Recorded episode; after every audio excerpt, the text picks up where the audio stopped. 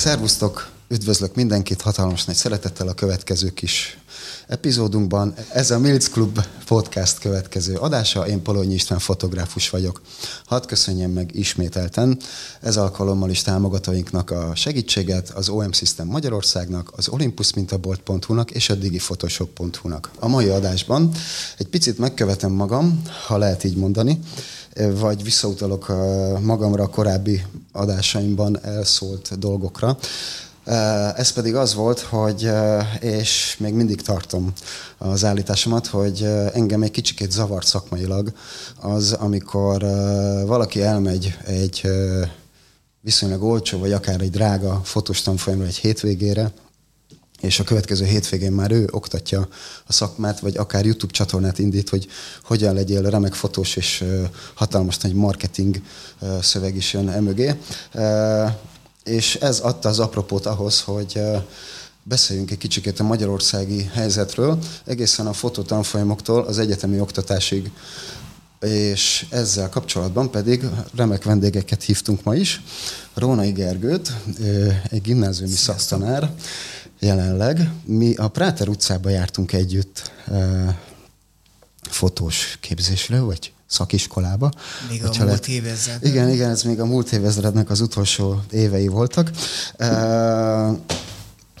Te már akkor kiállításokat csináltál, volt is egy, egy galéria, illetve társ tulajdonos voltál egy galériában, ez volt a Vintage galéria. Amit akkor még Gromek, az én galériám az Gromek Ez igaz, volt. ez igaz. Az a utódja a Vintage. Te egyébként alkalmazott fotós vagy, és emellett pedig nyomdai munkákkal is, illetve előkészítéssel is foglalkoztál, tehát hogy tördeltél, grafikai munkák, és a többi, és a többi. De ami a legfontosabb, hogy te fotótanár is vagy, mégpedig puskáznom kell. A Jasik Álmos Művészeti Szakgimnáziumban egészen 2022, tehát tavaly őszéig te a média és design munkacsoport vezetője voltál. Média és design kettes. Kettes. Az nem tudom, mit jelent a kettes, de majd... Az egyes a grafikát tömöríti, a kettes az a mozgókép animációt és a fotográfia szakot tömöríti. Annak voltam a vezetője, uh-huh. de november végén lemondtam. Na majd sőt, erről is. Sőt, maga a munkacsoport is feloszlott. Feloszlott, hűha. Na majd erről is, vagy erre is visszatérünk, de azóta is ott te fotótanárként. Igen, január vagy. végéig, azóta meg betegállományban vagyok, mert január végén kaptam egy sztrókot. Na erről viszont majd, majd egy sör mellett. Jó. Közös ismerősünk Gergővel Szabó Péter, akit szintén a Práter utcában ismertünk meg, viszont te ott már akkor nekünk fototörténetet tanítottál, és azóta is töretlenül nyomod a, ha lehet így mondani, a tanári pályafutást, te momén végeztél fotográfia szakon, te is fotográfus vagy, ha jól tudom, akkor főleg inkább portré és szintén alkalmazott vonalon. Neked van egy kapcsolódásod, amiről én szeretnék majd külön beszélni a Kornis Peti, Petivel, mm. ha nem bánod. Nem, egyáltalán. És te jelenleg a, a Metropolitán Egyetemen tanítasz, szintén fotográfiát, viszont rengeteg iskolában, illetve tanfolyamon is tartottál előadást, illetve oktattál. Hogyha jól ez, ez pontos. Üdvözlök én is mindenkit, aki hallgat minket. Ezen felül még, amit elsoroltál, és nyilván majd ezekre kitérhetünk, a Képzőművészeti Egyetemnek a doktorandusza vagyok. Úgyhogy alapvetően ma már, noha az mindig az, hogy alkalmazott fotográfusként is tevékenykedtem, de jellemzően most már inkább a képzőművészeti területen kutatok, elmélet és gyakorlati lehetőségeket, és fejlesztek projekteket. És valóban a Metropolitan Egyetem tanára vagyok, fotószakának tanára, és a nemzetközi szak az angol nyelvű képzésnek a szakvezetője. Ja. Kicsit büszke vagyok.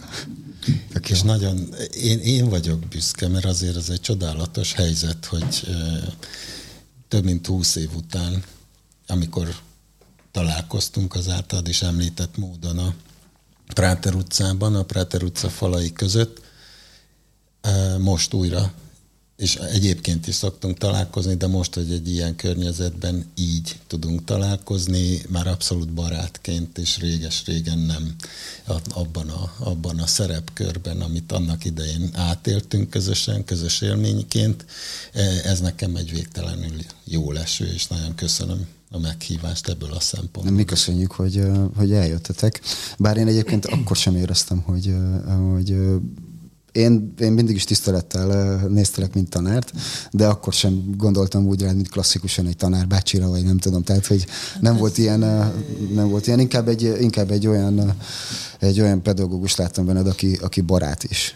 Én azt remélem, hogy ezt az attitűdöt meg tudtam tartani, és a mai hallgatóim is, vagy azoknak, akiknek a fotográfiáról mesélek, hasonlóan érez ezzel kapcsolatosan és abban, hogy te ezt így érezhetted, akkor Gergőnek biztos, hogy nagy szerepe volt, mert vele jutottunk el olyan közös programokhoz, hoztunk létre közös eseményeket, ami abszolút, aminek az alaphangja az biztosan baráti volt.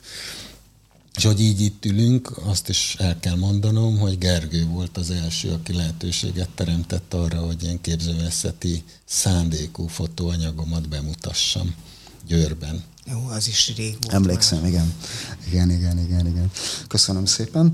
És Vili Amrik Vilmos, akivel mi, hát szintén, ha nem is 20, de, de 15 éve kb. találkoztunk, és most újra, és jó, igen, igen, hello. Te pedig 22 éve foglalkozol fotográfiával, Durván. szintén alkalmazott fotósként, főleg tárgy, reklám, illetve illusztráció, hogyha ha jól emlékszem és te alapítottad többed magaddal annó a nyomtatásban megjelent, és nagyjából 10-12 évig Magyarországon vezető fotós magazint, a Photo Art magazint. Ez ami egy ilyen búcsúszám után most már csak online felületen létezik, de létezik. Létezik. Én is köszöntök mindenkit. E, igazából ez így indult el, tehát hogy nekünk a csapattal túl sok közünk nem volt a fotózáshoz, gusztustalan üzleti érdekkel indítottunk egy magazint, mert mondtuk, hogy azzal Most a csapattal, aki, bennem az csapattal, akivel dolgoztunk, ővelük más magazinok kiadásán uh-huh. és grafikai szerkesztésén dolgoztunk, és ott egyszer összeültünk, hogy mi lenne, ha lenne egy jó fotós magazin, mert hogy Magyarországon nem sok jó fotós magazin van, csináljunk egyet, és mi csináltunk egy mintára egy magazint, amit mi úgy gondoltuk, hogy ez ingyenes legyen, és ingyen jusson mindenki nagyon jó magazinokhoz, megkerestük az összes magyarországi gyártó, forgalmazó céget, mindenki nagyon lelkes volt, és így összeraktunk egy magazint, de mivel, hogy abban az időben még nem nagyon értettem én legalábbis a fotográfiához, én, mint szerkesztő, producer, menedzser, bármi, mint a lapkiadásnál, én ezt így összeraktam, és kvázi konzervanyagokból raktuk össze a magazint, nagyon szép, nagyon színes volt, nagyon büszkék voltunk rá, és rengeteg kritikát kaptunk, hogy ezt a szart hogy tudtuk megcsinálni. és aztán így szép lassan néhány hónap alatt összejött egy olyan gárda, ugye mi mindig megkerestük azokat, akik azt mondták, hogy ez nem jó, hogy akkor mondnak, hogy hogy csináljuk jobban. És ők aztán lettek nekünk az íróink, szakíróink, szerkesztőink, művészeti vezető, szakmai vezetők, és hát így lett ebből egy jó tíz év, és egyre bővebb lett a magazin, csak utána hát az volt, hogy az összes olyan forgalmazó gyárt, akivel kapcsolatban vagyunk, azt mondták, hogy ingyen nem adhatjuk.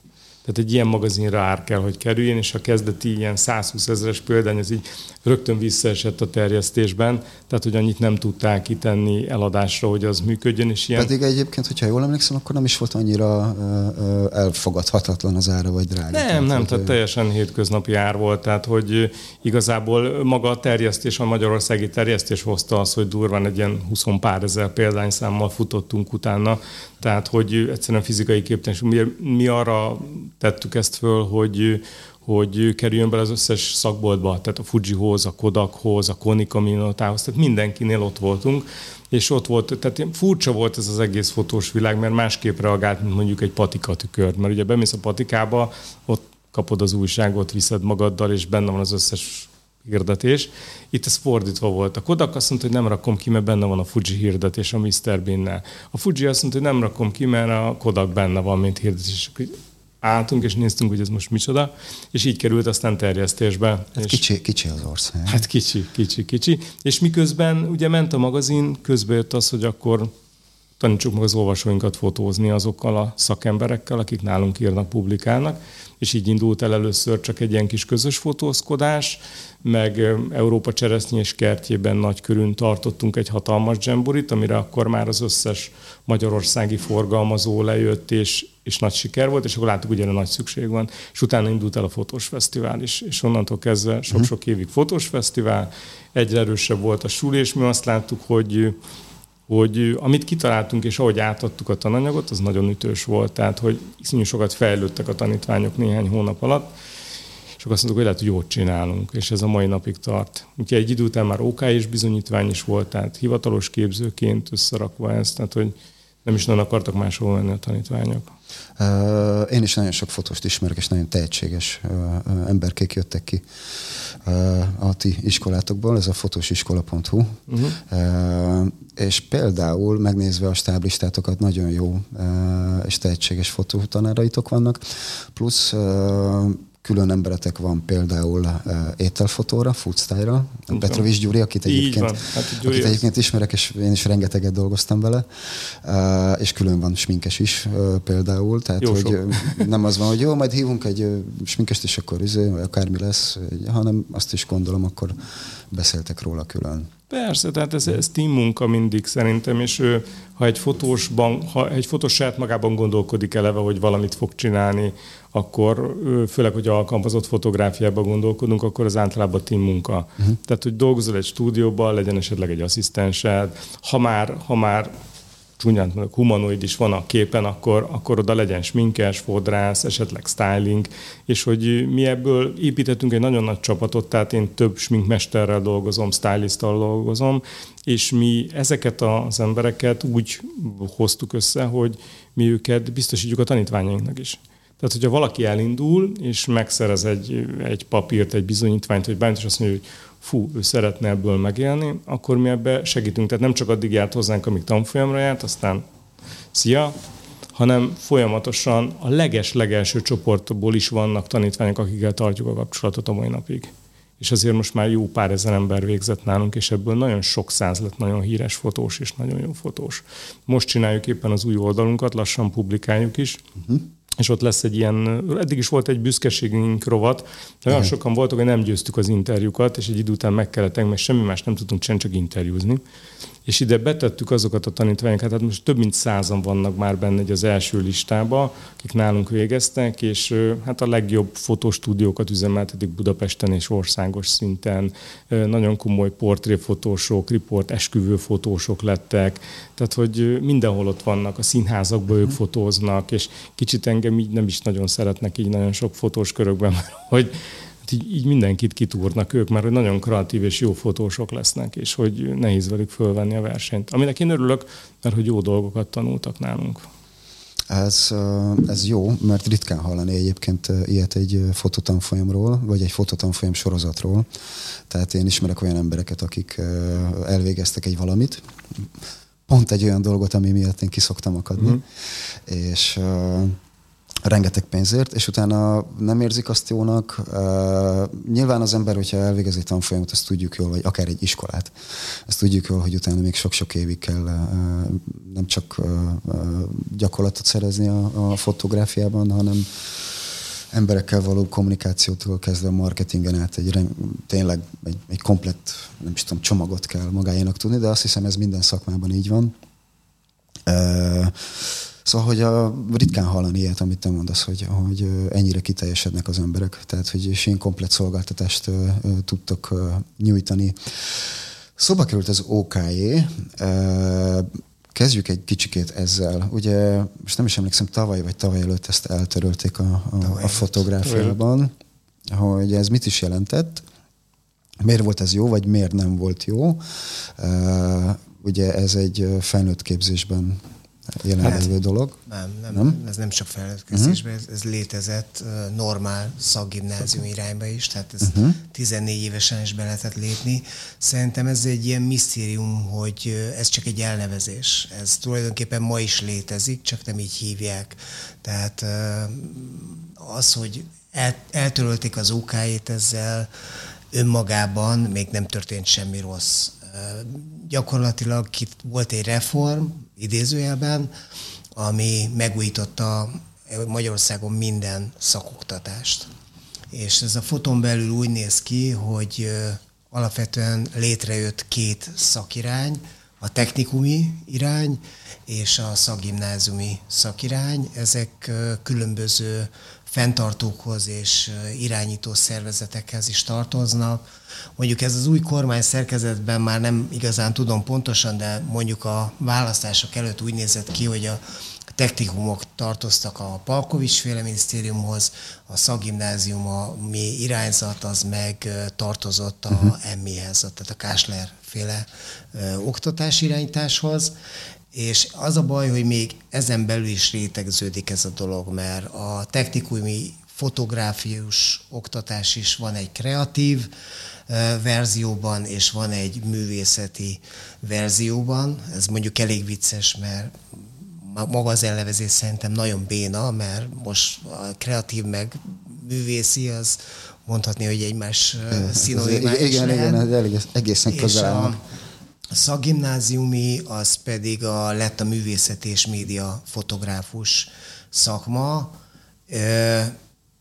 és ezen kívül még nagyon sok különbség van közöttük. A technikusok azok kapnak ösztöndíjat az államtól, a művészeti szakgimisek viszont nem kapnak. Tehát itt mondjuk sérül a, a egyenlőség elve, a, a, amit sokan sérelmeznek a szakgimnáziumokban, de és érdekes módon én azt látom, hogy a művészeti szakgimnáziumokban oktatott, nevezzük az fotográfiai szakirány, az sokkal teljesebb. Tehát például a, a film, filmes, filmes stúdiumok sokkal inkább részei. Uh-huh. A technikumi szakiránynak ezek nem részei. Ez az alapvető különbség. De alapvetően az OK és elnevezés az csak egy misztérium, tehát hogy ebből nem következik semmi. És nem a reform után érdekes módon nem egyszerűsödött a rendszer, hanem még sokkal, még sokkal bonyolultabb lett. lett. Uh-huh. Jó, sokan mondták egyébként a szakmán belül, hogy, hogy de hát, hogy neki van oká és képzése, és hogy ez milyen jó, meg nem tudom. Sose értettem, hogy ez igazából egy kreatív szakmához miért kell mint ami, ami nekünk van. indítás. Igen, igen egyébként pont ezt akartam, hogy adózási forma miatt. Nem, nem, nem, nem. Tehát Így van. addig ez azért indulhatott, és azért volt talán népszerű ilyen képzés, mert addig tehát nem volt számlaképes az, akinek ez nem volt meg. Igen. De most már, most már nem kell ilyen egy ilyen vállalkozás indítása az üzemeltetéséhez? Hát pontosabban a, ezt a fene se tudja. Tehát most éppen nem, mert ö, nagyon emlékszem, hogy például a Práter utcába én pont azért mentem el, mert ö, én már a Práter utca előtt is fotóztam, meg kapcsolat volt, és akkor sem volt még kötelező semmilyen papír a fotóhoz, és azért mentem a Práterhoz, mert az állam bevezette aztán megint eltörölte, majd megint visszavezette. És most épp az a szakasz van, hogy megint eltörölte, fele se tudja, hogy öt év múlva nem lesz megint kötelező. Ja. Ez így van. Sokan azt mondják, hogy ez, ez egy viszonylagos nagy szabadság, hogy ez jó, ugyanakkor meg jó páran, akik benne vannak a szakmában, azt mondják, hogy de hát nekik miért nem kell. Kicsit ilyen féltékenyen, de szerintem ez egy ilyen örök, örök vita hát lesz ez, majd. Ez, ez, egy, ez egy billenő dolog szerintem, mert hogy addig, amíg azt mondod, hogy bármilyen szinten mondjuk te egy tehetséges fotós vagy, tehát, hogy bárkitől egy, egy idős fotós bácsitól megtanultál nagyon jól fotózni, és tényleg tehetséges, ügyes fotós vagy, és azt mondta, hogy én most azért nem lehetek vállalkozó, mert nem mentem el a Práter utcába, és nem ültem ott két évet, és nem kaptam bizonyítványt, ez milyen disznóság, én nem tudok vállalkozni, és nem adhatok, nem lehetek számlaképes, és, és nem csináltak egy esküvőt, vagy nem fotózhatok le egy terméket, mert hogy én nem tudok számlát adni, mert ezért megbüntetnek. Tehát, hogy ez az oldal azt mondja, hogy tök jó, hogy most már nem kell ilyet tennem. De viszont annak viszont nagyon rossz, hogyha mondjuk akár csak az, én nagyon sok esküvőfotóssal beszéltem, hogy bemész a médiamárba, elevászel a porcról egy gépet, és azt mondod, hogy esküvőfotós leszek hétvégétől, mert hogy nekem van ugyan főállásom, ahol jól megélek, meg hogy van fizetésem, de hogy hát én hallottam, hogy az esküvőfotósok tök sok pénzt keresnek, és ha én csak egy, ha egy ötvenest keresek egy hétvégén pluszba, és minden hétvégén csak egy esküvőt megcsinálok, az, az két kiló az tök jó nekem pluszba, és akkor azt a hobbimra fordíthatom. És mellette meg azok az esküvőfotósok, akik mondjuk dolgoznának, azok elől elveszik. És nem csak az, hogy elveszi, hanem esetleg lehet, hogy nem is jót csinál. Nekem azok a tanítványok, akik megtanulnak nálunk fotózni, és esküvő fotózni is, és utómunkázni, ők remegnek az első fotózásokor, mert ők megtanulják, hogy micsoda felelősség egy esküvő fotózás. Tehát, hogy Németországban, ha valaki elrontja az esküvőfotózást, ott újra játszák, és a fotós fizet. Mindent. Magyarországon ilyen nincs. Hát igen, ilyen lett. hallottam. Én, én ismerek olyanokat, akik más képével csináltak maguknak referenciát, és úgy mentek ki akár esküvői kiállításra, és ott a többi fotós leszedette vele, hogy tesó, ez az én képem. Na, hogy na de legalább. Tehát, hogy, de hát, hogy, hogy, hogy, itt igazából ez billent. Tehát van, ahol a szakmát is meg lehet érteni, hogy azt mondom, hogy figyelj, én több éve dolgoztam, tanultam, papírom is van róla, jól is csinálom, olyan áron dolgozok, amilyen áron kell dolgozni, és nem fogok éhen halni, te meg ide kvázi betrolkodsz. És mindig lesz olyan, aki... Én azt szoktam mondani tanítványoknak, hogy figyelj, ezt el kell engedni. Mert hogyha valaki arra megy, hogy ócsó legyen, akkor az nem biztos, hogy te az, az a te ügyfeled. Tehát, hogy, hogy ezt, ezt el kell tudni egy idő után engedni, mert ebben csak az ember beleőrül, hogy hát én kiadtam a normális árajánlatomat, és, és mégis egy olyat választottak, ő úgy is meg fogja bánni, hogyha a képek nem olyanok lesznek, és esetleg később utólag gondolkodik azon, hogy valamit hát, csinálni kell, csak ez baj már. Nem biztos, hogy értek, mert hmm. eleve a vizuális nevelés Magyarországon azért nagyon rossz állapotban van. Tehát, Miért van? A, hát nincs, igazából nincs, és emiatt igazából nagyon komoly megrendelők sem fogják látni ezt a dolgot. Legfeljebb akkor, hogyha számok következnek belőle, de ez nagyon hosszú, amíg ezt észreveszik, tehát komoly károkat tud csinálni egy, egy ilyen amatőr.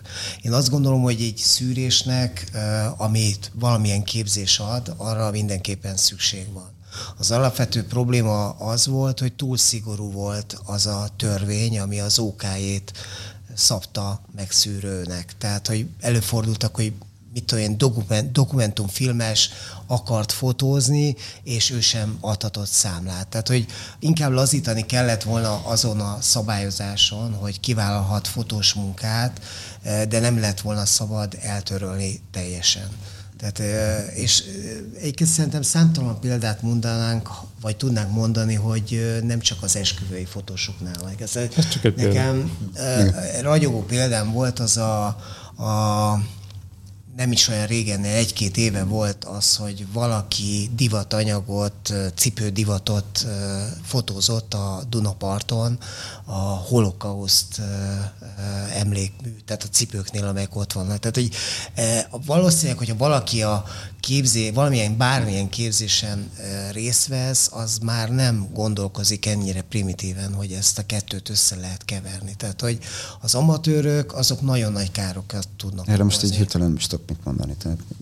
Elég, elég, elég nagy, nagy, nagy visszhangja volt ennek. Nem, ezt... Egyébként szívemből szólt, tehát mi, amikor átadtuk az és bizonyítványokat, vagy, vagy egy hosszabb, több hónapos képzés után átadjuk a tanúsítványokat, a hivatalos tanúsítványokat, hogy ő ezt elvégezte, és egy kiállítás megnyitón vagyunk, én mindig el szoktam mondani, hogy innentől kezdve ti hivatalosan is felelősek vagytok a munkátokért. Felelősek vagytok azért a képért, amit alkottatok, hiszen ez formálja a közizlést. És én örülök, hogy ők olyanok, akik tudják is formálni, és a jó irányba. Uh-huh. Tehát ez teljesen jogos, amit mondtál, és nagyon jó, hogy egyszerűen brutál, hogy a mobiltelefonos kattogtatással már bőven meg vagyunk a koktélfotó itallaphoz, bármihez, holott ha te letennél az elé a megrendelő elé egy ilyen szinten megfotózott anyagot, és egy olyat, amit egy formakövető világítással megcsináltál és összeraktál, akkor ő egyértelműen tudna választani, de nem tudja, hogy tud választani. Tehát azt se tudja, hogy mit szeretne, azt se tudja, hogy mi az, ami az ő igényének megfelel, és ez a legborzasztóbb. Hát addig, amíg meg nem,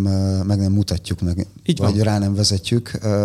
Volt már beszélgetésünk itt valamelyik adásban, hogy edukálni kellene az embereket és, a, és a, a, az ügyfeleket. Valamilyen szinten ez, ez, ez rohadt nehéz, amikor gyakorlatilag foton belül is nagyon nehéz edukálni. Ez olyannyira igaz, hogy ugyan bármelyikünk hatáskörén túlmutató most az, amit mondok, de az írás tanítás mellett, és ezt nem mi találjuk ki most 2023-ban, hanem a Molly Nagy Lászlóék ezt megfogalmazták, hogy ugyanúgy fényképezni kellene tanítani a alapfokú képzéstől a gyerekeket, és nem azért, hogy utána fényképezéssel foglalkozzanak fotográfusként érvényesüljenek, hanem pont azért, hogy olvasni tudják azt a temérdek fényképet, amivel nap mint nap találkoznak.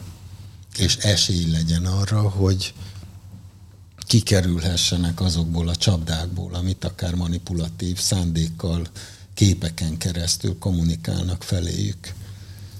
És itt csatlakozom Gergő szavaihoz, aki ugye azt méltatta a, a, a, a vizuális képzés hiányát, emli, szót tett, említést tett róla. Ezt nagyon fontos, hogy, hogy, hogy ez valahogy ez megteremtődjön, és mi, akik egyébként vizualitással foglalkozunk, fotográfiát tanítunk, nyilván a saját iskolai környezetünkben, ezért nagyon sokat próbálunk tenni. De hogy ennél sokkal általánosabbnak kellene lennie, ez meggyőződésem. Én úgy gondolom, hogy ez nem csak országos, országos probléma manapság. Hát, de azért... És én most nem csak, a, a, nem csak oktatásról, hanem egyáltalán a, a vizuális kultúrára való nevelésről. Bár, bár érdekes az, hogy elmész akár csak itt Európán belül kicsit nyugatabbra, és valahogy ott a, a plakátok is másképp néznek ki. Most már a, sajnos egyre kevesebb nyomtatott sajtó van, de egy újságos tannak a, a címlapjai másképpen néznek ki. Egy könyvesboltban a címlapborítók másképp néznek ki, és ez a másként ez jobb tehát ott valahogy mégis úgy érzem, itthon is meg lenne rá az igény, vagy hát nem tudom, de, de ott valahogy mégiscsak jobban van. Nem azért, mert jobban megfizetik, mert valahogy más. Igény nincs önállóan, igényt azt ki lehet alakítani. Igen. És ez mindannyiunk felelőssége, aki vizualitással foglalkozunk. Nyilván olyan keretek között, ami rendelkezésünkre áll, vagy számunkra és a hallgatóink, tanulóink nálunk végzők számára elérhető. Uh-huh. De ez egy közös felelősségünk. Hát egyértelmű, hogy valahol az általános iskola, vagy akár az óvoda környékén. Ma nagyon, már ott is, igen. Igen, nagyon, nagyon komolyan rá kellene feküdni a vizuális kultúrára, mert egyébként a fotót azt nem csak gyártják, hanem fogyasztják is. Tehát a fogyasztót hát, is ki kell nevelni.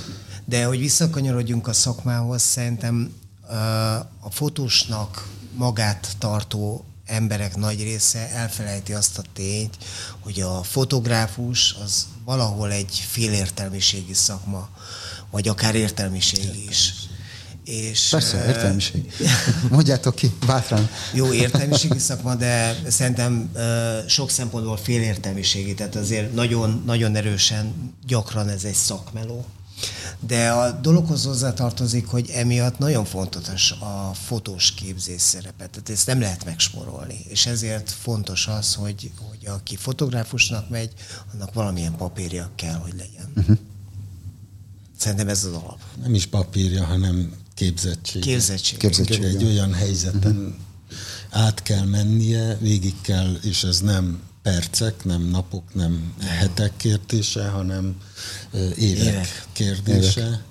mert egész egyszerűen fontos az, hogy, hogy azt a kontextust is értelmezni tudja valaki, aki fényképezőgépet fog a kezébe, amely vizuális környezetben, amely társadalmi környezetben ő a fényképeit így úgy megjelenteti, elhelyezi.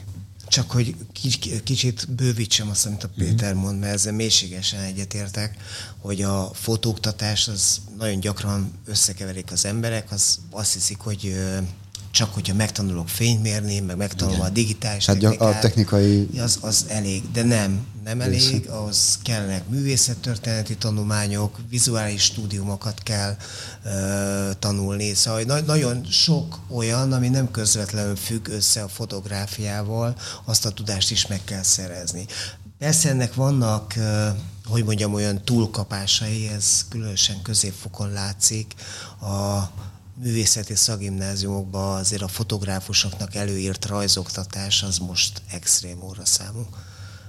Fontosnak tartom, hogy legyen, de az, ami most van, az azért sok. Egy időben a fotográfia szakra a kellett a Momira, illetve igen, azt hiszem a Momira.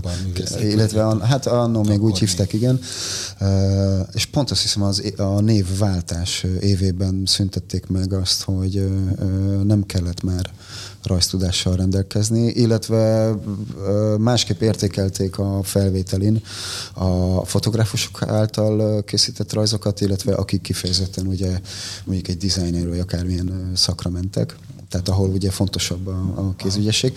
Úgy értékelték, hogy van-e arányérzék, fényárnék, és a többi, és a többi, ez fontos.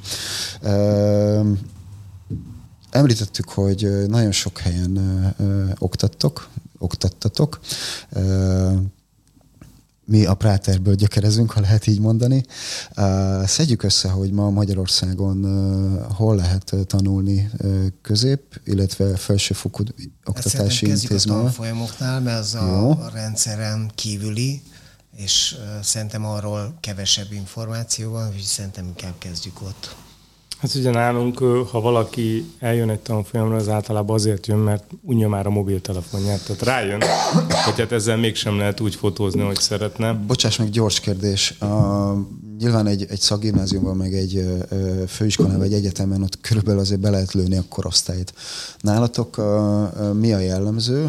és, Ö... és nemre is, hogyha Aha. Ha lehet. Nálunk a, a korosztály általában az a, az a 22-től egészen a az 55-60 éves korosztályig jönnek, és olyan 70%-ban a hölgyek. Uh-huh. Tehát 70%-ban a hölgyek. Én azt mondom, hogy sokszor terápiás jelleggel. Tehát nagyon sok anyuka jön, kisgyerekes családanya, aki eddig valamilyen iszonyatos robotmelóban dolgozott, vagy ügyvédek, jogászok, könyvelők, akik egyszerűen nem tudnak kiteljesedni. Tehát mennek a mindennapi mókuskerékben, pörögnek, és, és azt mondják, hogy, hogy kell valami, ahol ki tudok kapcsolni, és ahol meg tudom mutatni azt, amit én látok és mi ehhez nyújtunk segítséget. Tehát én ezért mondom, hogy néha ez terápia nálunk, és ezt így is fogják fel a tanítványok, és ezért is talán van az, hogy, hogy nagyon hosszú távú a mi kapcsolatunk, tehát hogy hozzánk visszajárnak, és van, aki 5-6 év után visszajön, és könnyes szemmel jön be az ajtón. Tehát nem hiszed el, hogy úristen, hogy, hogy, hogy ön végre itt lehet. Vagy van, van olyan, aki évekig akart eljönni hozzánk, de nem volt rá élethelyzete, vagy anyagi lehetősége, és akkor egyszer csak eljött, és bejött, és azt mondja, hogy és tényleg könny szökött a szemébe, hogy végre itt vagyok, három éve várom ezt a percet, hogy el tudjam veletek kezdeni a tanfolyamot.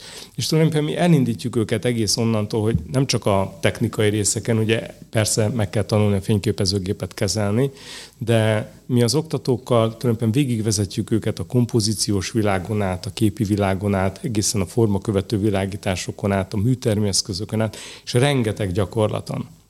Tehát míg én sokszor azt lettem, és más iskolákból esetleg jöttek hozzánk, hogy itt van a kékfedeles bizonyítványom, és azt mondta a vizsgáztató, hogy én ezt most kiadom mindenkinek, kapott mindenki egy kettes, de ígérjék meg, hogy elmennek egy tanfolyamra, beiratkoznak és megtanulnak fotózni.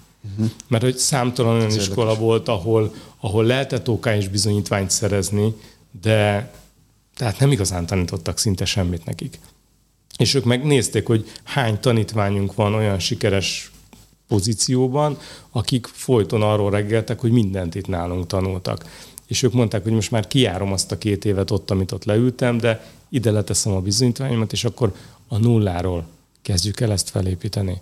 És ugye alapképzések után utána tudunk olyan haladó képzést mutatni nekik, amiben már a saját vállalkozás felépítés is benne van, vagy akár a social médiában a megjelenés, saját weboldal tervezés, árazás, ami nagyon fontos, mert, mert nem tudnak az emberek árazni. Tehát, hogyha valaki bizniszt akar, akkor ezt meg kell tanulni valahol.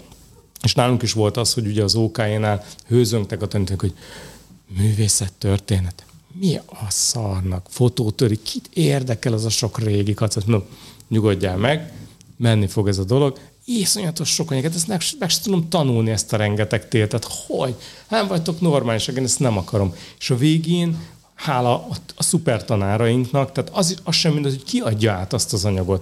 Tehát, hogyha kap egy olyan művészet történészt, aki hivatalosan művészet történész és tanárember, és egy olyan anyagot adott át, hogy így mindenki hazant, és azt hogy tényleg úgy jött az OKS vizsgálat, hogy végre találkozok ezzel az emberrel úgy személyesen, mert nagyon sokan abban az időszakban jártak, ahol csak videón tudták ezeket megnézni, mert ugye Covid-ba voltunk, és az utolsó szakaszában a képzésnek szinte ez volt végig, uh-huh. és otthon nézték ezeket az anyagokat, sok-sok órányi filmet forgattunk, ezért szoktam mondani, hogy több filmet forgattam és vágtam, mint Spielberg, csak azért, hogy meglegyen a művészet történet, meg a fotótörténet, minden, minden, minden anyagot leforgattunk, és megnézték, és azt hogy jobb volt, mint bármilyen műsort néznék a tévébe, és hogy megszerette a, a művészet történetet, és mennyire jó, hogyha most elmegy egy múzeumba, milyen okos dolgokat tud mondani, és tudom, én mondtam, tehát, hogy erre bizony szükség van, mert hogy ezt, és, mindenki azzal jött, hogy hát miért nem voltak ilyen töri tanáraink? Hogy ez milyen jó lett volna egy iskolában, hogyha így tudják átadni az anyagot. És szerintem ez most is nagyon nagy baj az oktatásban. Napi szinten beszélek szülőkkel nálunk és középiskolákban, hogy egyszerűen vannak igazi pedagógusok, akik odaülnek és szívüket, lelküket beleteszik, és tényleg át tudják adni az anyagot, és vannak olyanok, akik kvázi tanárként ott vannak, valamit megpróbálnak leadni, de Vagy nem megy át az anyag. Nem megy át az anyag. És ez nagyon nagy baj. Mert például ilyen a matematika tanítás. Ha a srácok nem értik meg, azt nem lehet megtanulni.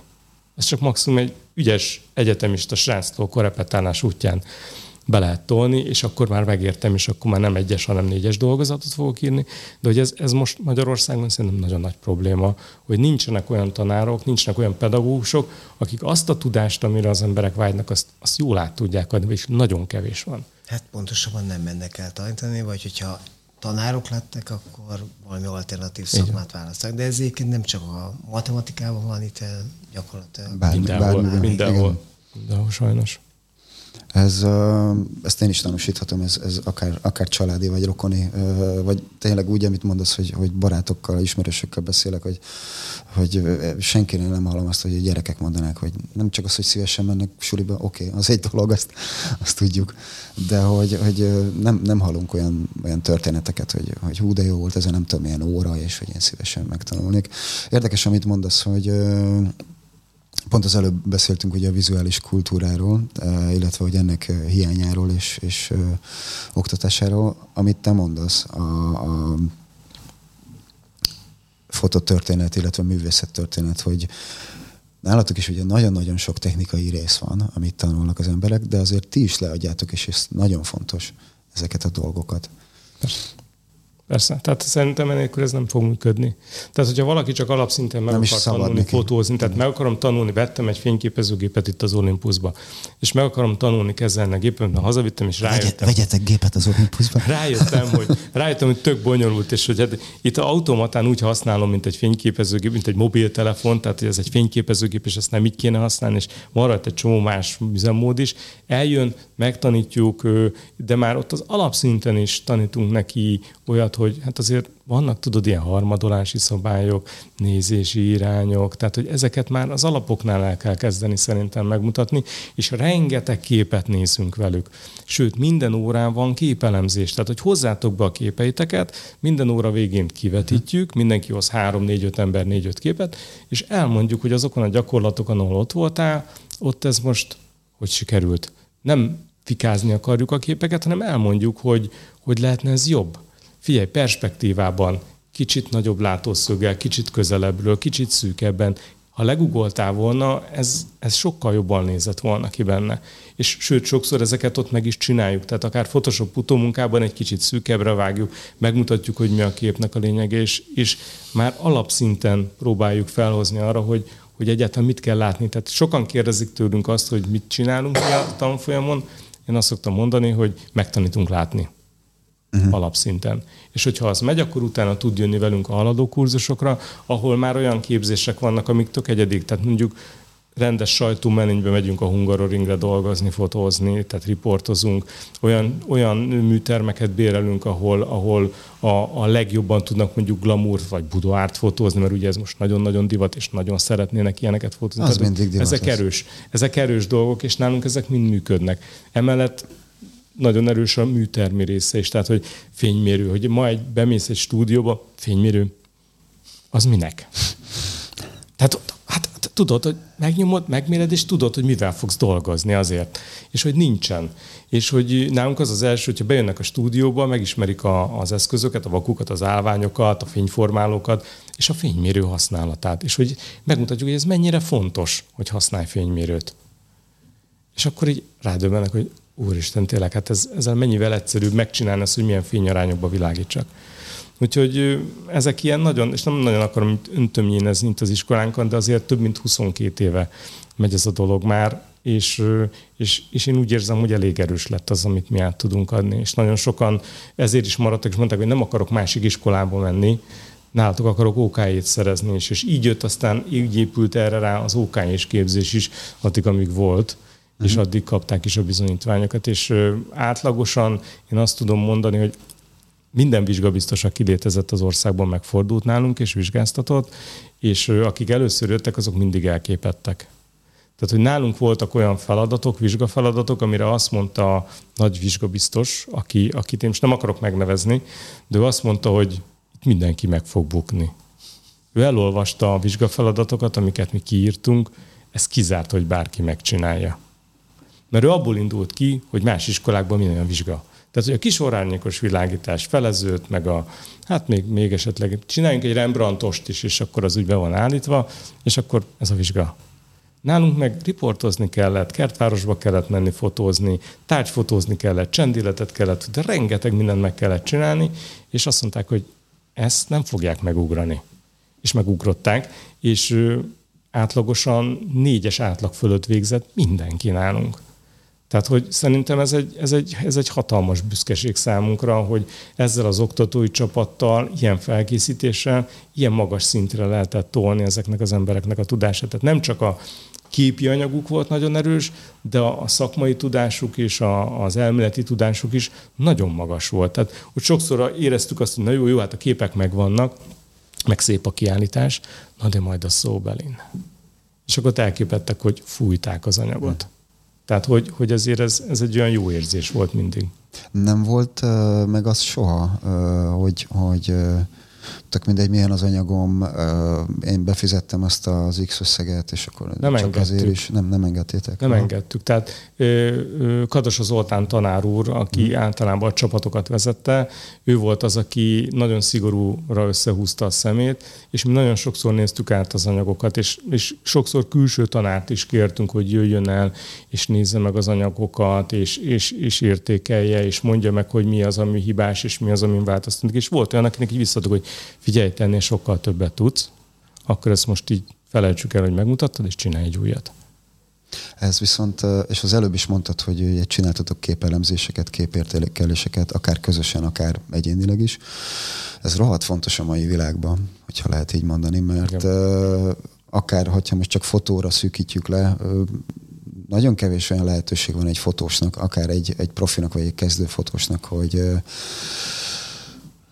megmutassa azt kollégáknak, vagy hozzáértőknek, mert mi van, mindenki kirakja a képeket a valamelyik szociális média felületére, és ott várjuk a szívecskéket, meg a, a, meg a lájkokat, és akkor hú, én nagyon jót alkottam. Ez az egyik dolog, és akkor ez, ez nagyszerű, vagy rögtön megkapja azt, hogy ez mennyire mm. szar ez a fotó, és akkor lefikázzák, és, és hihetetlen rossz indulatúan mindenki mindennek elhordja. Holott pedig úgy, amit te mondasz, hogy szépen el kell mondani, hogy uh-huh, ez ezért nem jó, az azért nem jó, próbáld meg ezt így, úgy, amúgy, és rögtön megvan a, a, az építő jellegű kritika. Ez fontos. Így van. Én azt szoktam csak így zárszónak mondani, hogy ö, mára már én úgy érzem, hogy mindenki egy kicsit, ö, hát én úgy szoktam mondani, képmutató lett. Tehát, hogy mutogatjuk a képeinket mindenhol, tehát, hogy bármiről. Bocsánat. Tehát, hogy, hogy ott van a social media, és, és, és reggeliztem saláta, és már teszem is föl. Kint vagyok, süt a nap, szivárványt láttam, és már teszem föl. Tehát hogy bármit, tehát hogy ilyen, ilyen képmutogatók lettünk, ami, ami szerintem hát egyrésztről túl lehet, so, hogy, túl hogy, hogy, jó, hogy ennyi mindent megosztunk, vagy vágyunk arra, hogy figyeljenek ránk, és úgy érezzük, hogy, hogy nagyon fontosak vagyunk, és, és milliók nézik az én anyagomat, vagy azt, hogy én mit csinálok, és én fontosnak érzem ettől magamat, de, de szerintem ez mások. Szerintem ez mások. Ez, ez túl sok. De igen, ez, ez egy ilyen kicsit ilyen ön, önigazoló. De ez képzaj. Dolog. De tényleg, tehát hogy ugyanúgy, ahogy van reklámzaj, és, és a reklámok sem hatnak már úgy, ahogy régen, nem. ugyanúgy van képzaj is. Tehát, hogy már olyan képdömping jön veled szembe, amiben már azt se tudod, hogy merre nézzél. És hogyha felfelsejlik egy, egy, egy jó komponált, egy, egy szép fényekben levő kép, akkor az már olyan, olyan nagyon ritka nekem. Tehát, hogy mindegy, csak csajszi legyen a képen, lehetőleg Fú, bugyiban, ez, igen, ez és tornázom valamit. Tehát, hogy vagy kis cica. Kis cica. Tehát cukiság faktor vagy csajszi. Tehát ez a kettő hát, dolog. Cukiság faktor az mindig volt, meg csajszi faktor is, de most úgy, ahogy mondod, hogy olyan iszonyatos, tényleg ilyen nem, nem, nem Képzaj. Én, az, én, igen, én igazából ez... ezt szoktam mondani, hogy mindenki egy kicsit ilyen meg, meg, képmutogató, meg, meg, meg iszonyat képzaj van mindenhol. És ebből nehéz ezt kiszedni. Tehát, hogy sokszor én is úgy érzem, hogy szélmalom harcot harcolunk, tehát, hogy megyünk itt szembe, és próbáljuk az embereket tanítani arra, hogy azért mire kéne figyelni, és, és mi az, ami igazán értékes, de ez nagyon-nagyon nehéz. Tehát, hogy tényleg itt mi is azon vagyunk sokszor, hogy amit itt ti is mondtatok, hogy egyszerűen ki kell, hogy alakuljon az, hogy legyenek igények. Mert hogy nincs igény arra, hogy te szépet és jót csinálj, mert hogy sok esetben az olcsóságra megyünk csak rá, hogy minél olcsóban juss ehhez a témához, egy termékfotóhoz mondjuk, vagy, vagy egyszerűen ne, nem, nincs is rá, tehát nem, nem is született meg az az igény, hogy milyen minőségű képet akar ő látni. Hát most ez biztos, hogy nehéz, nehéz korokat élünk, ha, ha lehet így, vagy nehéz kort élünk, de én inkább korokat mondanék, mert annyira hihetetlen gyorsan fejlődik. Ugye legutóbb beszéltünk a mesterséges értelemről, amiről most ne is menjünk be, mert, mert, mert ez egy hihetetlen külön téma, akár szakmában is, vagy úgy, úgy egyáltalán.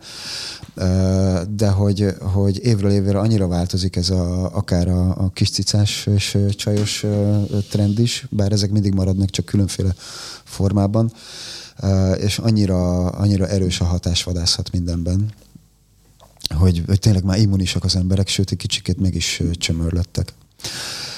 Nálatok állami szinten ez, ez hogy, hogy működik? Ha lehet mondani államit? Egy kicsit visszább mennék, mert valahogy ennek a műsornak ugye a felkompva az is fontos része volt, hogy hogy a hallgató valamilyen képet kapjon a, az oktatásról, hogy ha fotós akar lenni, akkor Magyarországon milyen lehetőségei vannak. Igen, erre irányult a, a Igen, kérdésem az előbb, hogy próbáljuk meg összeszedni, hogy mik vannak, sőt egyáltalán létezik még például Práter utca? Abszolút létezik. Sőt, sőt Azt hallottam, hogy jó? Jó, hogy ír. Ja, hogy nagyon jól létezik, létezik de, hogy de jó is? Szerintem Vagy nincs rálátás. Nincs rálátás. Nekem van. Nekem nincsen, de... de... Jó, ezt, bocsánat, hagyd szóljak megint közben szegény Gergő nem tudja elmondani. De. Nem, mert uh, tényleg több kollégával beszélgettem, és uh, én viszont uh, tehát tudom, hogy létezik, de, de én negatív dolgokat hallottam, és ezzel most nem akartam bántani a, a, a Práter utcai intézményt, tehát hogy nincs semmiféle uh, uh, ilyen szándék benne. Azért elmondom a gondolatomat, amit akartam. Én azt akartam mondani, hogy amikor valaki fotós iskolát választ, akkor ne, ne essen abba a hibába, hogy az alapján dönt, hogy állami, nem állami, tanfolyam, egyetem, mert nem, nem, nem ez szerint kell megkülönböztetni őket, mert a, a tanfolyamok között is van nagyon jó, és van nagyon rossz. És ugyanigaz, ez igaz az államira is, hogy vannak olyan iskolák, ahol simán átrúdossák a, a szakvizsgán a diákokat zéró teljesítménnyel. hanem azt kell megnézni, hogy az a, a különböző referenciák, meg a jelenlét alapján, meg mások tapasztalati alapján az milyen, milyen, milyen képzést nyújtó intézmény. Sokkal simán el tudok képzelni, hogy a, például a ti tanfolyamatok, az, az simán veri a 90%-át a hazai állami középfokú oktatásnak. Sőt, hmm. megmerem kockáztatni, hogy a felsőfokúba is belenyal simán, és ver felsőfokú képzés is. Igaz is. És ugyanígy a felsőfokú képzéseket nézzük meg, ami majd, amiről majd inkább a Péter fog beszélni, én megmerem kockáztatni, hogy van olyan egyetem Magyarországon, akinek a BA képzése az gyengébb, mint nálunk a, a középfok. Uh-huh. Mert, mert tényleg nem, ne, szóval az, hogy milyen szinten van besorolva ez a képzés, az semmilyen garanciát nem jelent és például középfokon Magyarországon szerintem egy kezemmel meg tudom számolni, hogy milyen iskolák vannak, ahova mondjuk én a saját gyerekemet elküldeném. Én szerintem mondjuk el ezeket. És akkor most végre megkapjuk a választ a kérdésemre. Most, hát jó, hát mondjuk bevállalom. A kisképzőt azt mindenképpen jónak tartom. Már csak azért is, bocsánat, mert én itt felírtam utolsó kérdések egyikének így a műsor végezárásra, hogy a jó fotós tanfolyamokon kívül miket ajánlanátok azoknak, akik akár középiskolai, akár egyetemi szinten mennének. Ezzel te most engem megelőztél, tehát én azért erőltetem ezt a dolgot. Jó, jó, e, e, válaszolok rá, bár valószínűleg utálni fognak egy jó páran. A kisképző középfokon az bizonyos megkötésekkel jónak számít, a budai rajzot jónak tartom, a Jasiknak, a Jasikban nagyon sok képzés van. Tehát van gimnáziumi, van esti felnőtteknek szóló, nekünk vannak 60 éves diákjaink, tehát mi aztán a teljes korosztályt tanítjuk 14-től akár 80-ig. Szerintem az érettségi utáni képzéseink nagyon jók, a érettségi előtti képzéseink is zömében jók, Hát középfokba én ki is fogytam. Nem nagyon tudnék más mondani. Tehát szerintem ez a három iskola, és a technikumokat azért nem javaslom, mert egyrészt én részt vettem valamilyen szinten az új ö, vizsga tételsornak a kidolgozásában, ami két évvel ezelőtti reform alatt történt meg, és én a technikumi irányt nem tartom egy rossz megközelítésnek, de szerintem ami a végén kisült belőle, az nem jó. Nem, nem korszerű. Érdekes módon az európai EKR besorolásba a, a technikumi szakirány az magasabb fokú, mint a szakgimis szakképzés. Az egyik ötössel kezdődik, a technikumi, a, a szakgimis az csak négyes, ennek ellenére azt mondom, hogyha valaki tényleg meg akarja tanulni a fotót, és a legszélesebb vertikálisan, a, tényleg meg horizontálisan a legnagyobb rálátással akar rendelkezni a fotóra, annak nem a technikumi szakirányt kell választani. Leginkább azért, mert ma már szerintem a mozgókép, az időalapú fotókészítés lényegében az nem megkerülhető. És ez a technikumi szakirányokból lényegében kimaradt. És eleve minden modernebb megközelítés az a szagimisben most már ott van. Én, én tanítottam technikumba is tavaly, hogy a saját bőrömön megtapasztaljam az egészet, meg kicsit meg, megismerjem azt a szakirányt is, és határozottan merem állítani, hogy a technikumi szakirány nagyon hívogató, mert ösztöndíjat kapnak a diákok, de egy erős teljes tévedés. Tehát, hogy a maga, ahogy a tananyagok föl vannak építve, az nem jó. És ö, ö, azt látom, hogy a szakembergárda ö, is kritizálható. A Práter sajnos ehhez a technikumi szakirányhoz tartozik. A Práter az egy a legnagyobb múltú magyar fotós iskola, talán a kisképzővel vetekszik, de szerintem ezt a nimbuszt, ezt nagyon súlyosan devalválta az elmúlt 30 évben. Tehát ne, ne a te práteres emlékeidből indulj el ki, ez ma már nagyon más szerintem, és ráadásul a Prátert maga az intézményrendszer változása folyamatosan rángatja ide-oda jobbra, tehát a, a Práter az, hogy megint jó legyen, ahhoz stagnálnia kellene ennek a történetnek, hogy tudjon építkezni. Uh-huh. A, a maga a tanári gárda is túl sokat változott, akár csak az elmúlt öt évben is. Tehát, hogy egy iskola csak akkor lehet jó, hogyha a tanár gárdája konstans. Tehát ott legalább, legalább, nagy, a, nagy a fluktuáció? Nagy a fluktuáció, de bár egyiket hozzá kell tennem, hogyha állami középfokú oktatásról beszélsz, akkor jelen időben, tehát hogyha mondjuk nem az elmúlt 10-15 évet nézem, hanem mondjuk az elmúlt hármat uh-huh. és a következő hármat, akkor itt is iszonyatos a fluktuáció. De hát erről mindenki, minden hallgató naponta hall a hírekben, és én azt látom, hogy az állami oktatás az nagyon nagy bajban van, és nagyon bajban lesz. Pláne az új státusztörvény alapján szerintem a, a igazán komoly ö, oktatók azok ott fogják hagyni a középfokú szakoktatást. Mert úgy az egyik legnagyobb, ö, szerintem a legpozitív ö, fejl, fejlemény az volt a szakgimnáziumokban, hogy egy korosztály, aki, beszélek magamról is, aki az elmúlt 30 évben nagyon sokat dolgozott fotósként. De ezt a grafikusokra is el lehet mondani, meg a mozgókép animációs emberekre is. Ezek nagyjából 40-es, 50-es éve, éveiben megunták a versenyszférás hányatatásokat, meg különböző multinacionális cégeknek való dolgozást, és azt csinálták legalábbis nekem is nagyon sok korosztályom, hogy megtartottak egy bizonyos ügyfélkört, akit kedveltek, meg vállalható volt nekik a munka, és mellette elkezdtek tanítani, hogy továbbadják a tudást.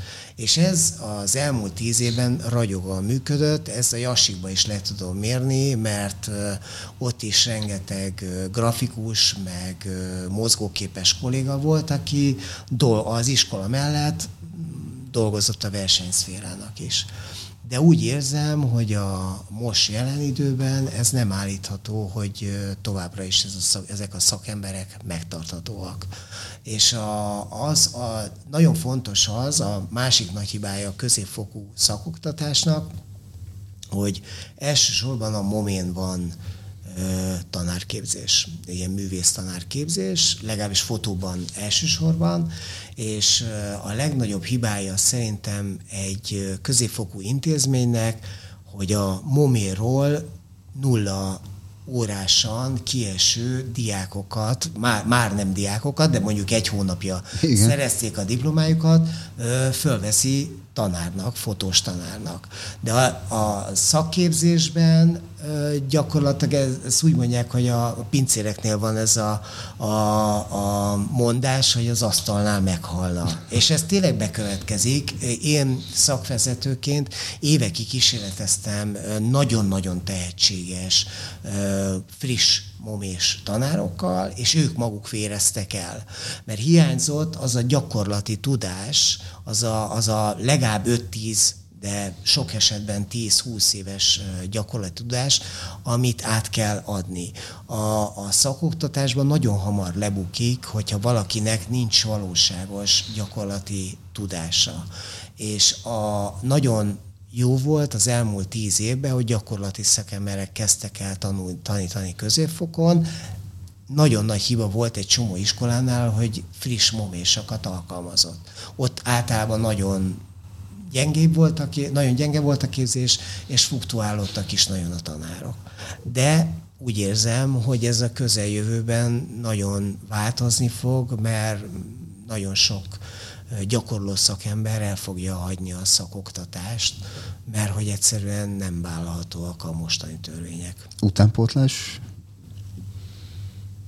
Hát a, a MOME az ontja a tanárokat, de én nekem az a legnagyobb bajom, hogy nem, nem valóságos gyakorlati tudással esnek be a középfokú oktatásba ezek a tanárok. Tehát én, én úgy mondanám, hogy középfokon, ha valaki, a középfokon nincs annyira differenciálva, hogy most csak fotótörténetet tanítasz, vagy csak világítástechnikát, vagy csak labortechnikát, egy kicsit mindenkinek kell érteni mindenhez. És ezeket a tudásokat nagyon nehéz felszedni iskolai képzésben. Tehát, hogyha valaki csak a momét tapasztalja meg, az, az simán lehet, hogy egy mezei világítás gyakorlaton elvérez a diákok előtt.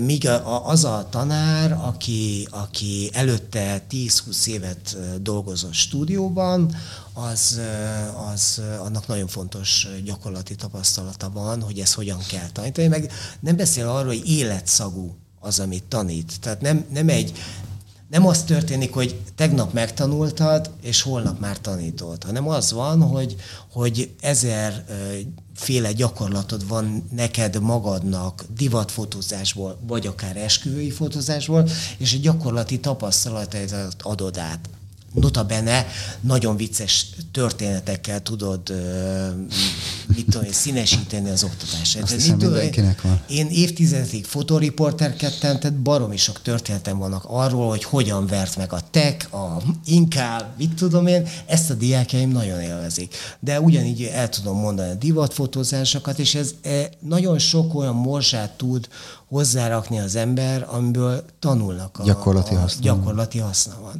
És ez csak egy elméletileg kiképzett tanár, az nem biztos, hogy át tudja adni.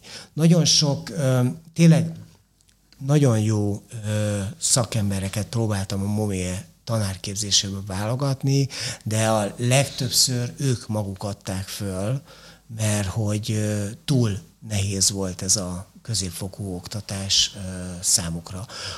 Felsőfokú oktatás az egy kicsit más tészta, meg sokkal inkább lehet szeletekbe menni, tehát mondjuk ott már inkább el tudom képzelni, hogy működik ez a dolog.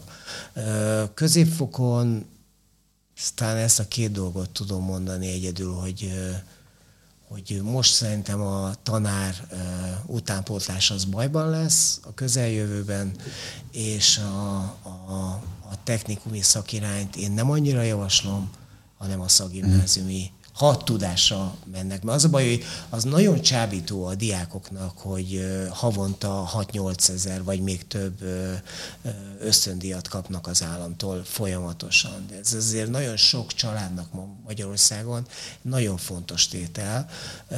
Ez érezhető egyébként baromira, hogy szívkázzák el is a diákok a technikumba, a szakgimnáziumok elől a diákokat. Egyébként a gender kérdés, az nagyon érdekes, hogy hogyan alakult. 89%-ában elment női irányba a fotós szakma. Ezt tapasztalom én középfokon. Egy olyan 5-6 éve történt a váltás, odáig olyan 50-50 volt, és most már brutálisan nő, elnőjesedett a szakma. Vannak olyan osztályaim, amelyek tisztán nők nem tudom, hogy ez jó vagy rossz, nem, foglal, nem foglalnék állást. Inkább csak érdekes információ. Érdekes információ mindenképpen. Amit mondtál, az pont ma is hallgattam egy, egy műsort, illetve az elmúlt talán két-három évben, ha lehet így leszűkíteni, beszéltem frissen, vagy úgy az elmúlt öt évben frissen kikerült momés, hát nem tanárokkal, hanem fotográfusokkal, és illetve hát ott ugye ők fotoművészek elméletileg, mindegy is, és elmondták, majdnem mindegyik ők, hogy amit te is említettél, hogy nagyon-nagyon jó dolgokra tanították meg ott őket a, a momén ugye pont az emlegetett vizuális kultúra hiány, ugye ők aztán teljesen pont a fordítottját kapták, viszont a, amit akár nálatok a, a fotótanfolyamon, és amit hiányolsz, a gyakorlat, tehát, hogy egyszerűen nem kapták meg a gyakorlatot, tehát, hogy hiába volt egy jó koncepciók, és hiába mondjuk jó, nagyon ügyes divatfotosok, nem tudtak bevilágítani dolgokat az első egy-két évben, nem csak első egy-két évben, egy-két-három évben, nem tudtak ügyfelekkel kommunikálni, és olyan arcú csapás volt mindegyikőjüknek kikerülni gyakorlatilag a, a, az éles lövészetbe, a való életben hogy egy picit meg is kellett hátrálniuk, és nagyon sokan gondolkoztak abban, hogy hát ez nem is nekik való. De aztán hála Istennek nagyon sok tehetséges ember került ki, és hála Istennek benne mondom, vannak a munkában. Ezzel, amit elmondtam, ez nem azt akartam mondani, hogy a MOME rossz. Csak azt nem, mondom, nem, nem, én sem. A, a, a, rögtön kerülve a MOME-ról tanítani, az nagyon-nagyon merészség ezt a dolgot. Nem, ezzel, ezzel igazából meg akartam, az... meg akartam erősíteni, amit te mondasz, hogy, hogy ugye a MOM ez másról szól, tehát hogy ott, ott nem feltétlen kell, hogy megtanítsák De a, itt én a moménak a tanárképzéséről, gyakorlatot. tehát nem kifejezetten csak a moméról, hanem a MOME tanárképzéséről. A moméről is van egy elég sarkos vélemény, ezt nem biztos, hogy e- ebbe a körbe így kimondom, de hát figyelj, e- egyetlen egy példa. A moménak vadonatúj kampusza van. Hogy lehet egy kampuszt úgy megtervezni, a fotószakról beszélek konkrétan, hogy eredetileg az ország csúcs intézményéről beszélek ebbe a szegmensbe. Nem terveztek eredetileg fotolabort a MUME kampuszába. Csak amikor már készen volt, jöttek rá, hogy hoppá, ez kimaradt, ez kimaradt. és akkor kényszeredetten csináltak valamit. Ez kicsit olyan, mint hogyha nem tudom, színházban nem terveznének WC-t, vagy, vagy egy világítás technikát. A Metunak az egy elég nagy fotolaborja van, Nek, nekünk még nagyobb, a Jasikban. De hogy a, például a fotográfiát szerintem nem lehet analóg stúdiumok nélkül tanítani. Tehát, hogy ez szerintem hozzátartozik. Ez kérdés is lett volna hogy, hogy nagyon sokan azzal a nágálnak, főleg ugye az ifjabb generációból, és hát ugye a technikának köszönhetően van ez a dolog, a technika fejlődésnek köszönhetően azt mondják, hogy egyszerűen fölösleges, sőt már úgy születtek bele, hogy gyakorlatilag nem is fogtak analóg technikát, gépet, filmet és hát a többi a kezükbe. Most vitatkoznék, mert de most van, én most nem az új divat hullámról beszélek, amikor... Ez, ez már nem olyan új, ez, ez már egy... Hát van az, van az több is, szerintem egy jó két-három éve lehet látni már. Én, én örülök neki egyébként, hogy lehet látni fiatal embereket és lányokat rohangálni a sorsnál vagy bárhol megvett viszonylag egyszerű fényképezőgépekkel, bár tegyük hozzá, hogy olyan fényképezőgépekkel, amikkel régen mi csorgattuk a nyálukat, nagyon sok esetben olyanok rangálnak. Na de a lényeg a lényeg, hogy ti mennyire tartjátok fontosnak azt, hogy a mai digitális világban ne csak a rálátásuk legyen, hanem esetleg gyakorlatuk is az analógban. Nem tudom, nálatok, Vili például van ilyen a... Nálunk nagyon minimális volt maga az analóg, illetve hát amit, amit tanultak és amit nagyon szerettek, az utólagosan már, ami, ami, ami aztán van, akinek nagyon beütött, az a cianotípia készítés volt.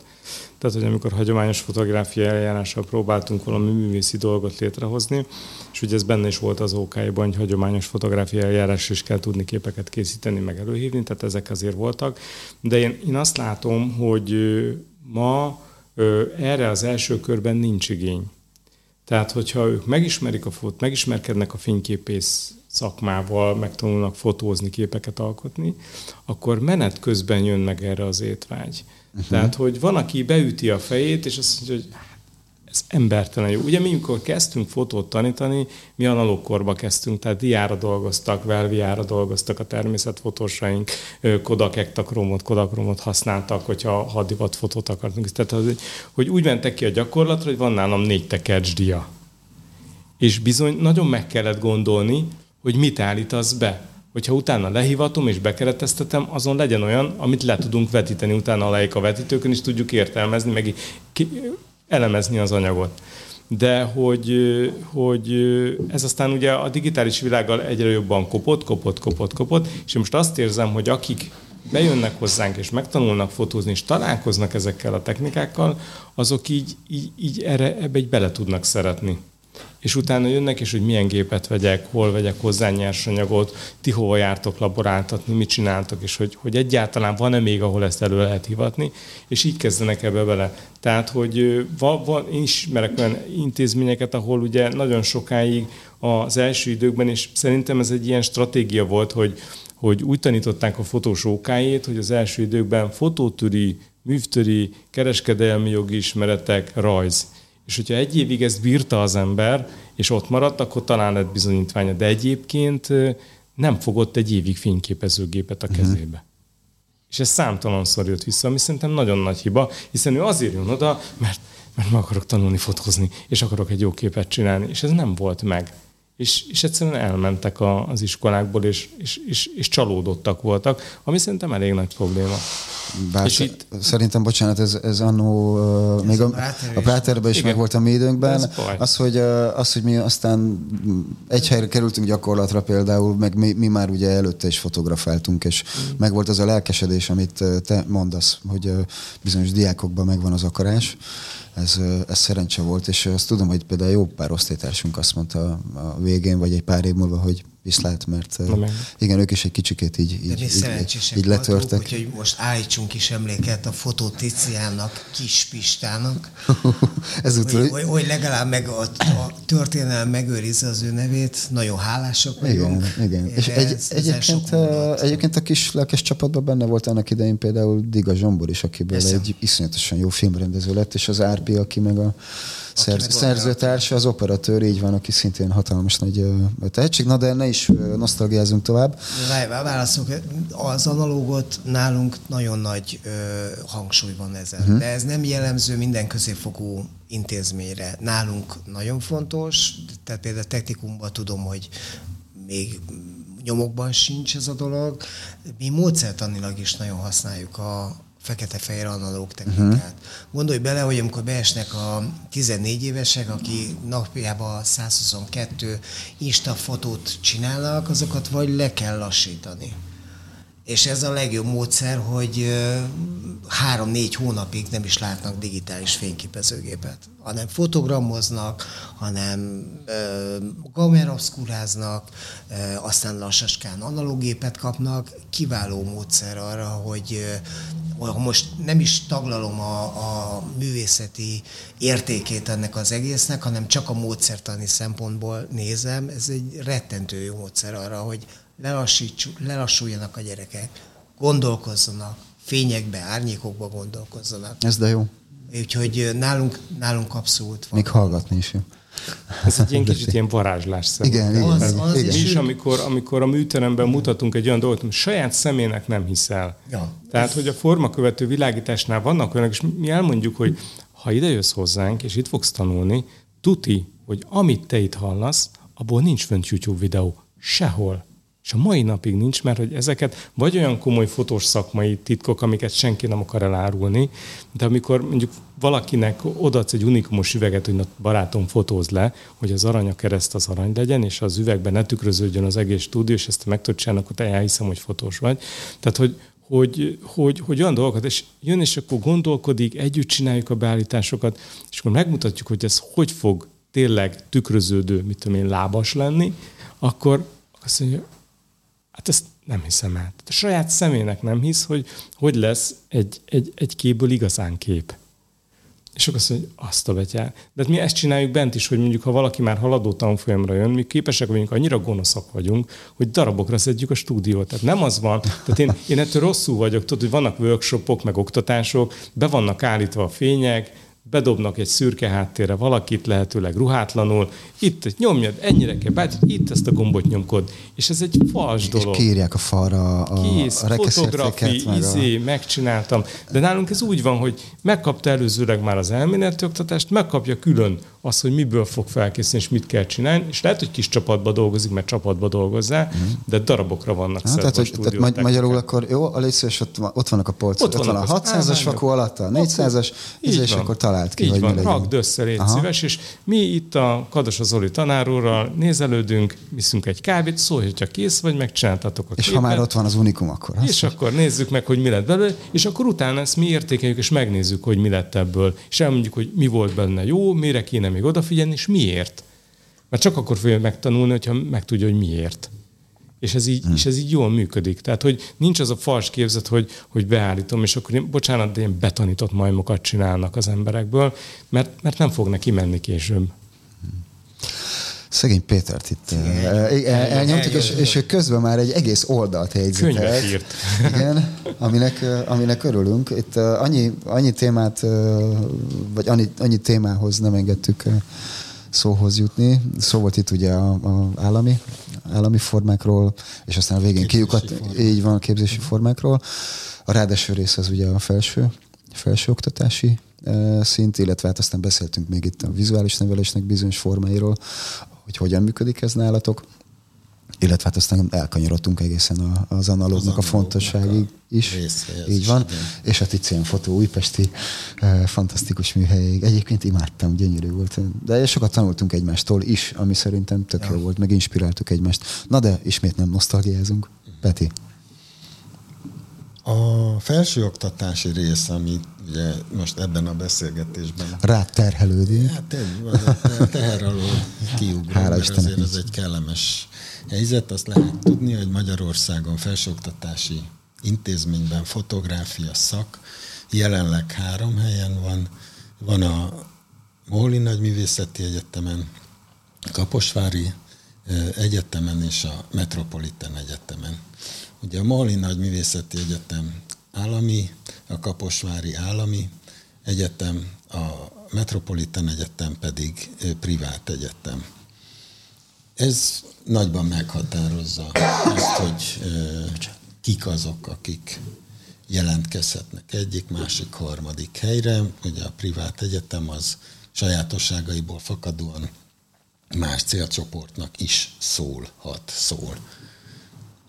Azt hozzá kell tenni, hogy a Metropolitan Egyetem Magyarország létszámát, hallgatói létszámát tekintve a legnagyobb művészeti egyetem. Hm. Ami ugye egy más helyzetet teremt, mint egy kifejezetten fotóra szakosodott, nagyszerűen felépített struktúrájú képzés. A tiétek más jellegű, mint egy több szakot magába foglaló, de Aha. mégis középfokú. A jasik nagyon, nagyon sok. Nagyon sok. Ezt, Még ezt keramik, keramik is van. Igen, Szobrász. Igen, igen, És itt ezt ki is kell emelni, hogy egy ilyen közeg ma már a, a műfai határok azok, azok oldódni látszanak kényszerűségből is, meg egyáltalán a médium használat, illetve a számítástechnika, a webes felületeken történő kommunikáció meg is követeli azt, amiről Gergő is beszélt, hogy például a fotográfia és a mozgókép közötti éles határok, na, tudjuk, hogy szakmailag és minden módon megvannak, de alkotói szempontból biztosan, hogy azért, már csak azért is, mert a telefonjainkon, most a minket is néző fényképezőgépeken, ez két funkció, és ott már el kell tudni dönteni, hogy az egyik egyiket mikor és meddig, illetve a másikat mettől és milyen módon használja az ember az állóképet és a mhm. mozgóképet. Tehát az a technológiai környezet, amiben vagyunk, és mi mindannyian azért az analóg világban szocializálódtunk, ahol ez a fajta döntéskényszer nem volt, hogy kamerát használok, mozgóképes kamerát, vagy fényképezőgépet. Tehát az, hogy egy ilyen technológia helyzetre hogy reagál valaki alkotóként, ez bizony kialakítandó készség, tudás mindenképpen. És az, hogy milyen tempóban változik a technológia, és hogy az a fotográfiából nem kivonható tudás, hiszen erről beszéltetek ti is, hogy azt a fajta szakmai tudást, azt mindenképpen magas színvonalon, élményszerűen, felfedezésszerűen olyan ö, karizmatikus tanárokkal lehet igazán megtanítani, hogy élmény legyen annak bárki, életkortól függetlenül, hogy élmény legyen azt megtanulni, felfedezni. És erről, amit mindannyian, ahogy mondtunk, de a fotográfia, mint olyan, egyszerűen kiköveteli magának azt, hogy hogyan lehet átadni azt a tudást. És amit ti elmondtatok, azt én megerősíteni tudom. Ugyanúgy része a Metropolitan Egyetem képzésének a gyakorlat és gyakorlati központú, elsősorban egy gyakorlat, és, de mögötte az a fajta gondolkodás, amikor már a fotográfia nem célként jelenik meg az alkotói tevékenységben, hanem eszközként arra, uh-huh. hogy akár alkalmazott területen, akár a megrendelőnek az igényeit az ember a legjobb kombinációval meg tudja valósítani, vagy a saját elképzeléseihez illesz-e ezt, mint médiumot, a fotográfiát.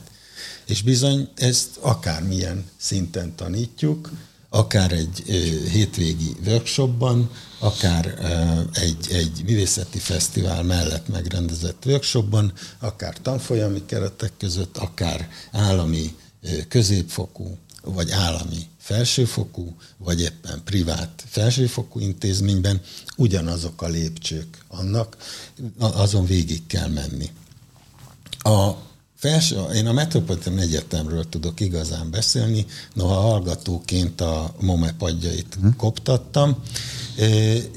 Azt látom, hogy mind a három intézmény karakteresen más jellegű, tehát fel lehet ismerni adott esetben, hogy jó eséllyel el lehet az dönteni egy adott képanyagról, ha tudjuk, hogy az mondjuk egy diplomamunk, hogy feltétlenül melyik egyetem hmm.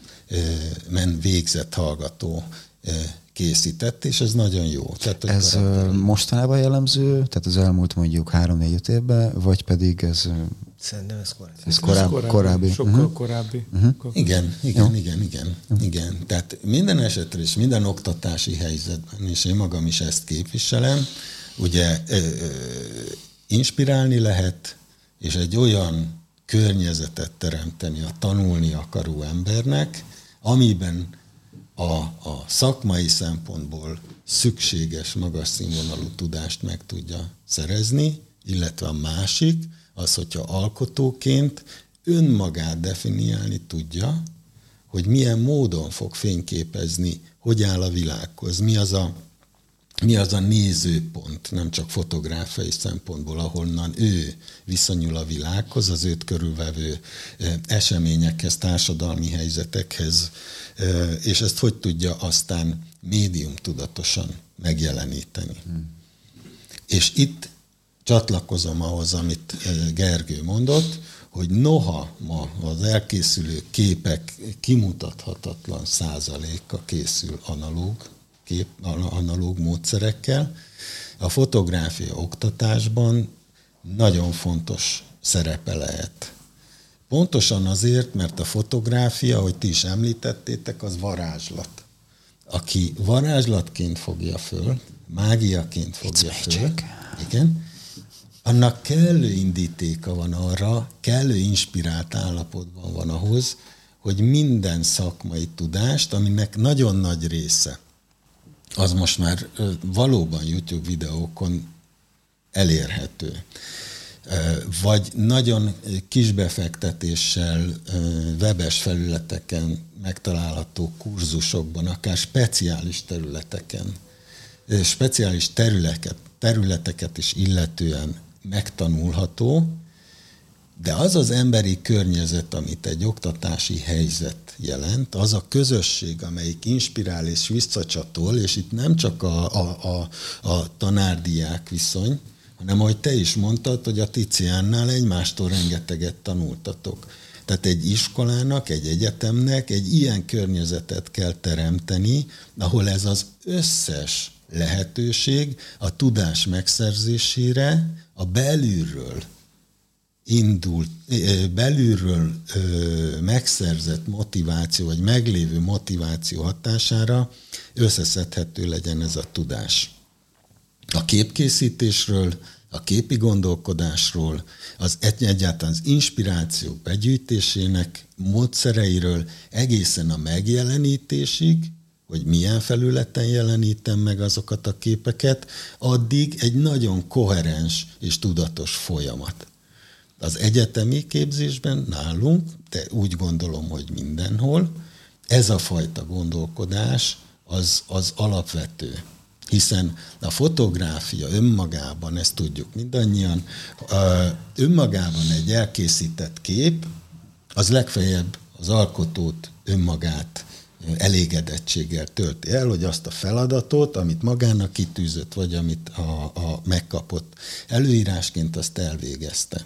És onnan jön a következő része, hogy ezt hová, milyen média környezetben küldöm el, hogyan publikálom, hogyan teremtem meg a közönségemet, uh-huh. mert ma már ezen is gondolkodni kell, amióta nincsenek olyan felületek, mint például egy magazin, aminek megvolt, vagy kialakított közönsége volt. Itt most már az alkotóknak önmagukat, mint, mint talán úgy is mondhatjuk, mint egy saját brandet tudni kell felépíteni.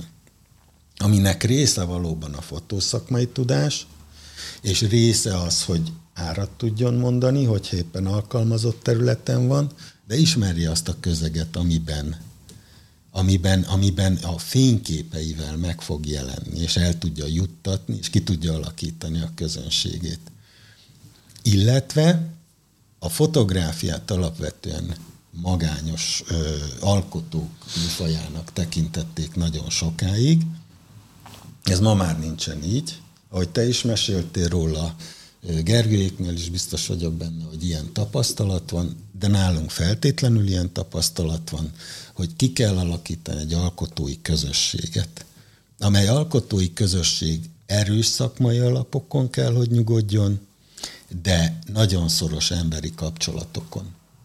És azért jó veletek egy asztalnál ülni, mert olyan a szakmai kapcsolódáson túl, és a közös iskolán és a közös gyakorlati helyen túl, és pont ezeknek köszönhetően egy olyan, olyan szoros köteléket alakítottatok ki, hogy akár emberileg, akár szakmailag a mai napig tudtok egymástól kérdezni. És, és tudunk egymástól kérdezni. És ennek a kialakítását, ezt egyébként soft skill-eknek nevezik a mai világban, ami elengedhetetlenül fontos, hogy valaki empatikus legyen, hogy valaki, valaki a másikhoz oda tudjon fordulni emberileg is, vagy üzleti szempontból, üzleti kapcsolódás szempontjaiból. Ez mind, mind, mind egy olyan, olyan, olyan komplex rendszer, amit ma szükségszerűen fotográfián belül kell értelmezni.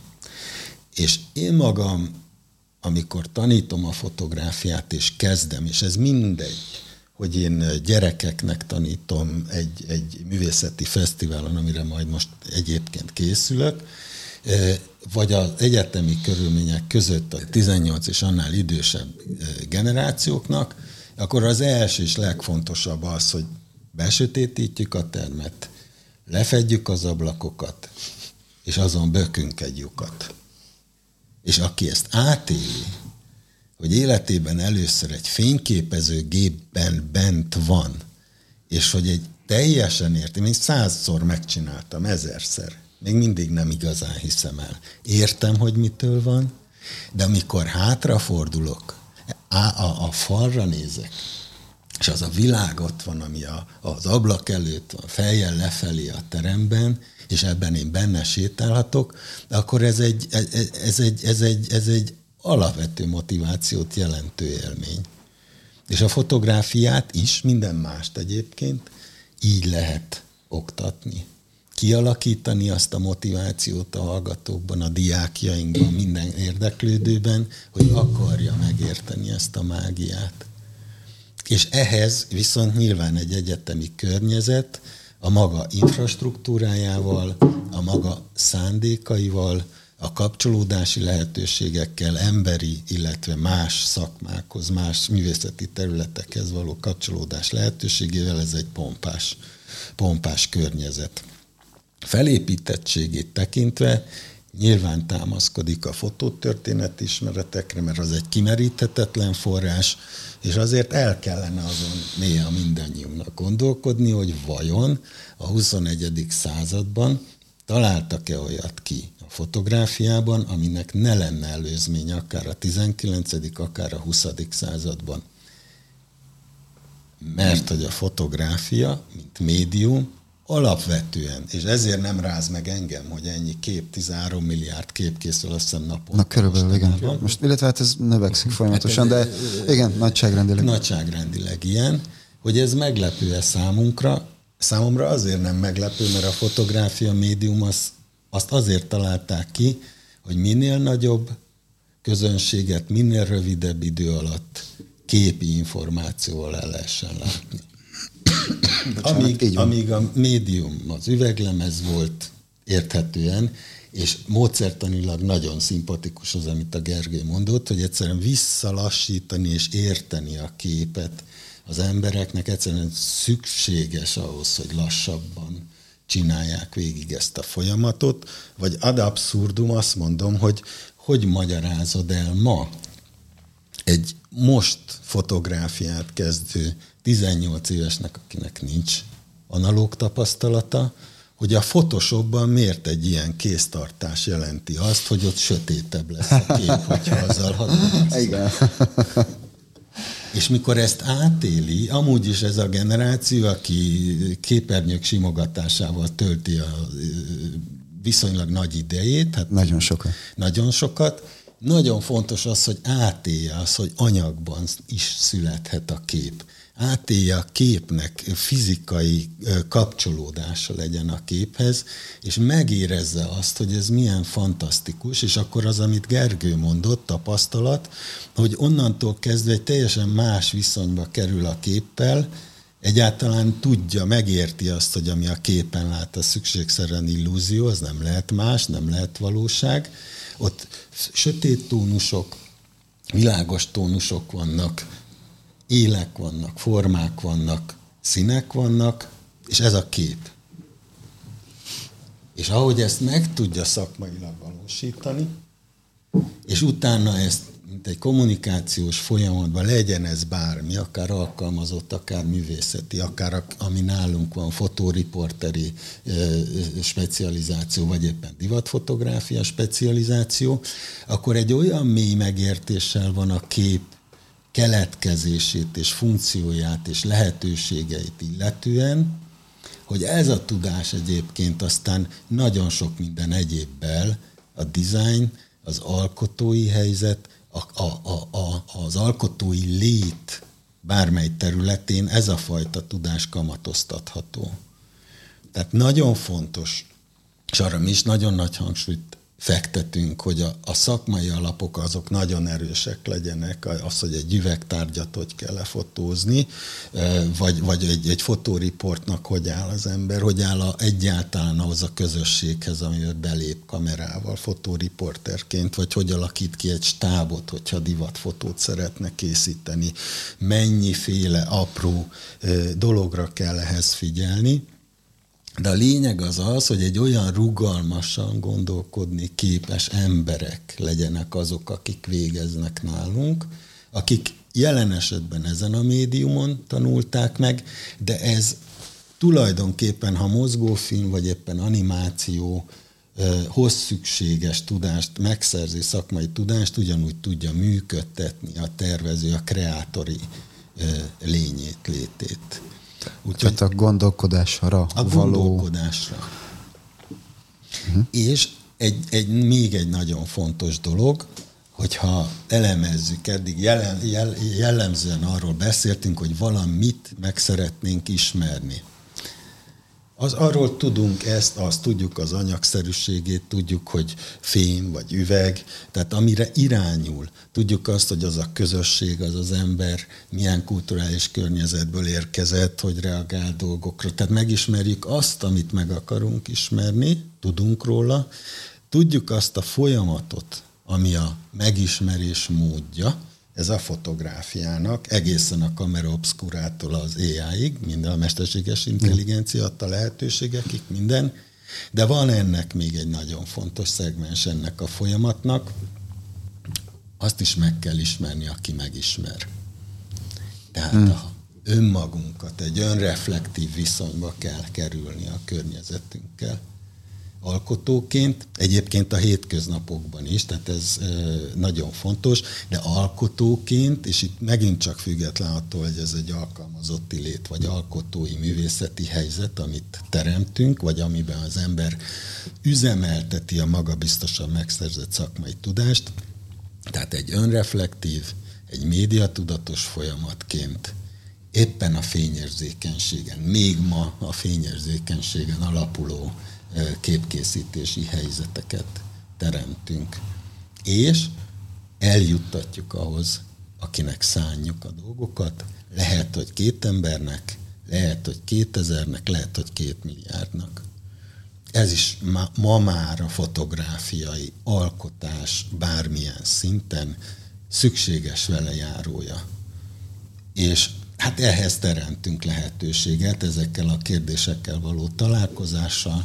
Az elméleti képzés ugyanúgy természetesen támaszkodik a fotótörténetre, támaszkodik a művészettörténetre, támaszkodik ugyanúgy gazdasági jogi ismeretekre, művészetpszichológiára, tehát meg annyi, meg annyi aspektusa, ami, ami építi a személyiséget, aki aztán fényképezőgépet fog, fog fogni a kezébe, és megismer a világból valamit és más számára megismerhetővé teszi azt, ahogy ő látja a világot. Az ő látása. keresztül. Igen. Én most egy kicsit meg vagyok szeppenve, jó értelemben, mert annyi csupa jó dolgot mondtál, és olyan szívesen elhallgatnálak még.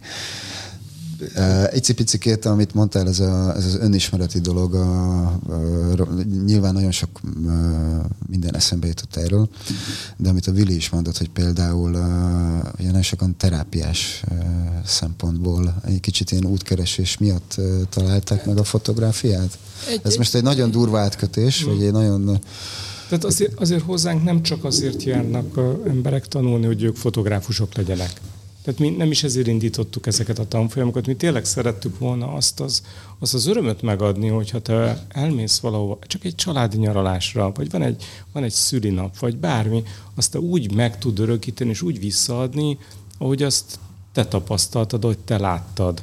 És hogyha ezt át tudod adni, az, az már egy hatalmas siker szerintem. Tehát, hogyha a te látásmódoddal ott azt a pillanatot meg tudod fogni azon az eszközön keresztül, ami a kezedben van, uh-huh. és lehet, hogy ez egy mobiltelefon, lehet, hogy egy, hogy egy Milski Olympus gép, lehet, hogy egy full frame-es Canon kamera, teljesen mindegy, de te meg tudod azt a pillanatot ragadni, és ezt át tudod adni úgy, hogy ezt más is érezze, az egy hatalmas érzés. És mi ezért dolgozunk, hogy, hogy az emberek ezt át tudják élni, és, és akkor, amikor befejezünk egy három hónapos intenzív tanfolyamot, és megtartjuk a kiállítást megint ott belőle, ahol megmutatjuk az ő munkásságokat, akkor azt mondják, hogy ők ezt nem hitték volna el, hogy ide eljutnak. És amikor eljönnek hozzánk, akkor ez valóban terápia, mert a, a gyerekek mellől, kisgyerekek mellől jönnek sokszor anyukák, akik, akik otthon vannak, és ugye ebből a baba illatú világból egy kicsit ki akarnak szakadni, és emberekkel akarnak találkozni és beszélgetni. Vagy amit mondtam, hogy, hogy tényleg volt olyan ügyvéd, jogász, könyvelő, aki azt egyszerűen nem bírta már. Tehát, hogy annyira, annyira erősen kellett hogy valamit alkothasson, valamit mutasson magából, és itt megemlítem dr. Kársariklak Monikát, aki a fotójogkönyvet alkotta meg, aztán a mi erős unszolásunkról, hogy ez egy, ez egy nagyon hiánypótló anyag, ami megszületett az ő írásában, és bizonyos korlátozott számban egy ideig, pár évig lehetett is vásárolni, és nagyon sok fotós meg is vásárolta ezt magának. Tehát, hogy, hogy egyszerűen más ajtók nyílnak ki, más, más aspektusokat látnak meg az emberek, és, és, és ez valóban egy terápia. Tehát tényleg barátként jönnek vissza az emberek hozzánk folyamatosan, sok-sok év után is. Ezt egyébként el lehet mondani, az alkotás az egy teljesen mindegy, az most fotográfia, vagy, vagy bármi más. Még a, akkor is, hogyha én nem, nem tényleg egy, egy falat lebontok, de szakszerűen, egyrészt jól kiadom magam fizikailag, másrészt pedig gondolkozni kell adom, hogy ne dőljön össze a szomszéd épület esetlegesen. Ez most szintén egy nagyon sarkított példa volt, de hogy maga az alkotás az egy nagyon-nagyon jó terápia, én azt hiszem. Teljesen kikapcsolja az embereket, más-más irányba megy. Meg ugye nálunk azért viszonylag kis csoportos létszámmal dolgozunk, és nagyon komoly barátságok szövődnek. Tehát ugye, hogy ti is elmondtátok, hogy ugye egyfelé megyünk, ugyanazt szeretnénk csinálni, együtt megyünk fotózni, látjuk egymás képeit, tanulunk egymás képeiből. Lehet, hogy valaki úgy jön el hozzánk, hogy én adom neki a fényképezőgépet a kezébe. Mert úgy ült le a padba, hogy még gépem sincs. Mm. És lehet, hogy rossz tanfolyamra jöttem, mert itt a többiek már profi fotósok, mindenkinek van fényképezőgépe. És akkor nem, ők azért jöttek, mert bettek már, de nem tudják használni. Adok egy gépet, tanuld meg te is, és, és úgy jön el velünk, és, és egymástól is tanul, mert van, akinek van egy kis előnye, tehát már megtalálja a rekeszt, tehát már, ő, ő már komolyan tud ebben foglalkozni.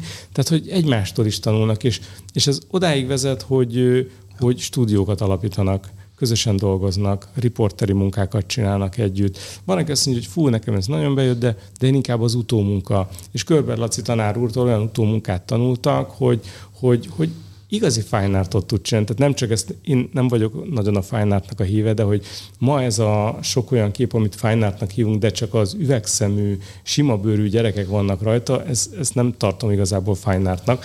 Tehát, hogy ennek a művészi oldalát úgy megtanítani, hogy az, az valóban fine art legyen, és hogy, hogy erre, erre, erre vannak emberek, akik képesek, és, és Laci nálunk olyan Photoshop utómunkát tanít kimondottan Photoshopnak, amivel ez, ez átmegy és, és nagyon jó utómunkájuk van, és nagyon jól megtanulnak kvázi a Photoshoppal bánni, vagy bármilyen más olyan eszközzel, amivel az utómunkát létre lehet hozni egy képen.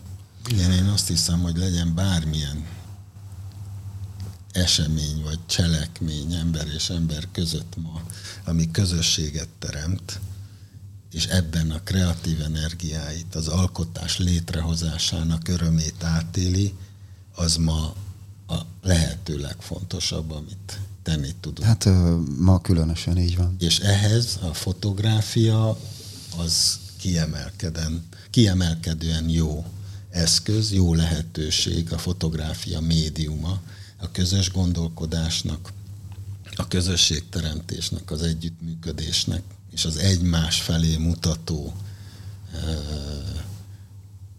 egymás felé mutató vektorok megtalálásának, az egymás megtapasztalásának.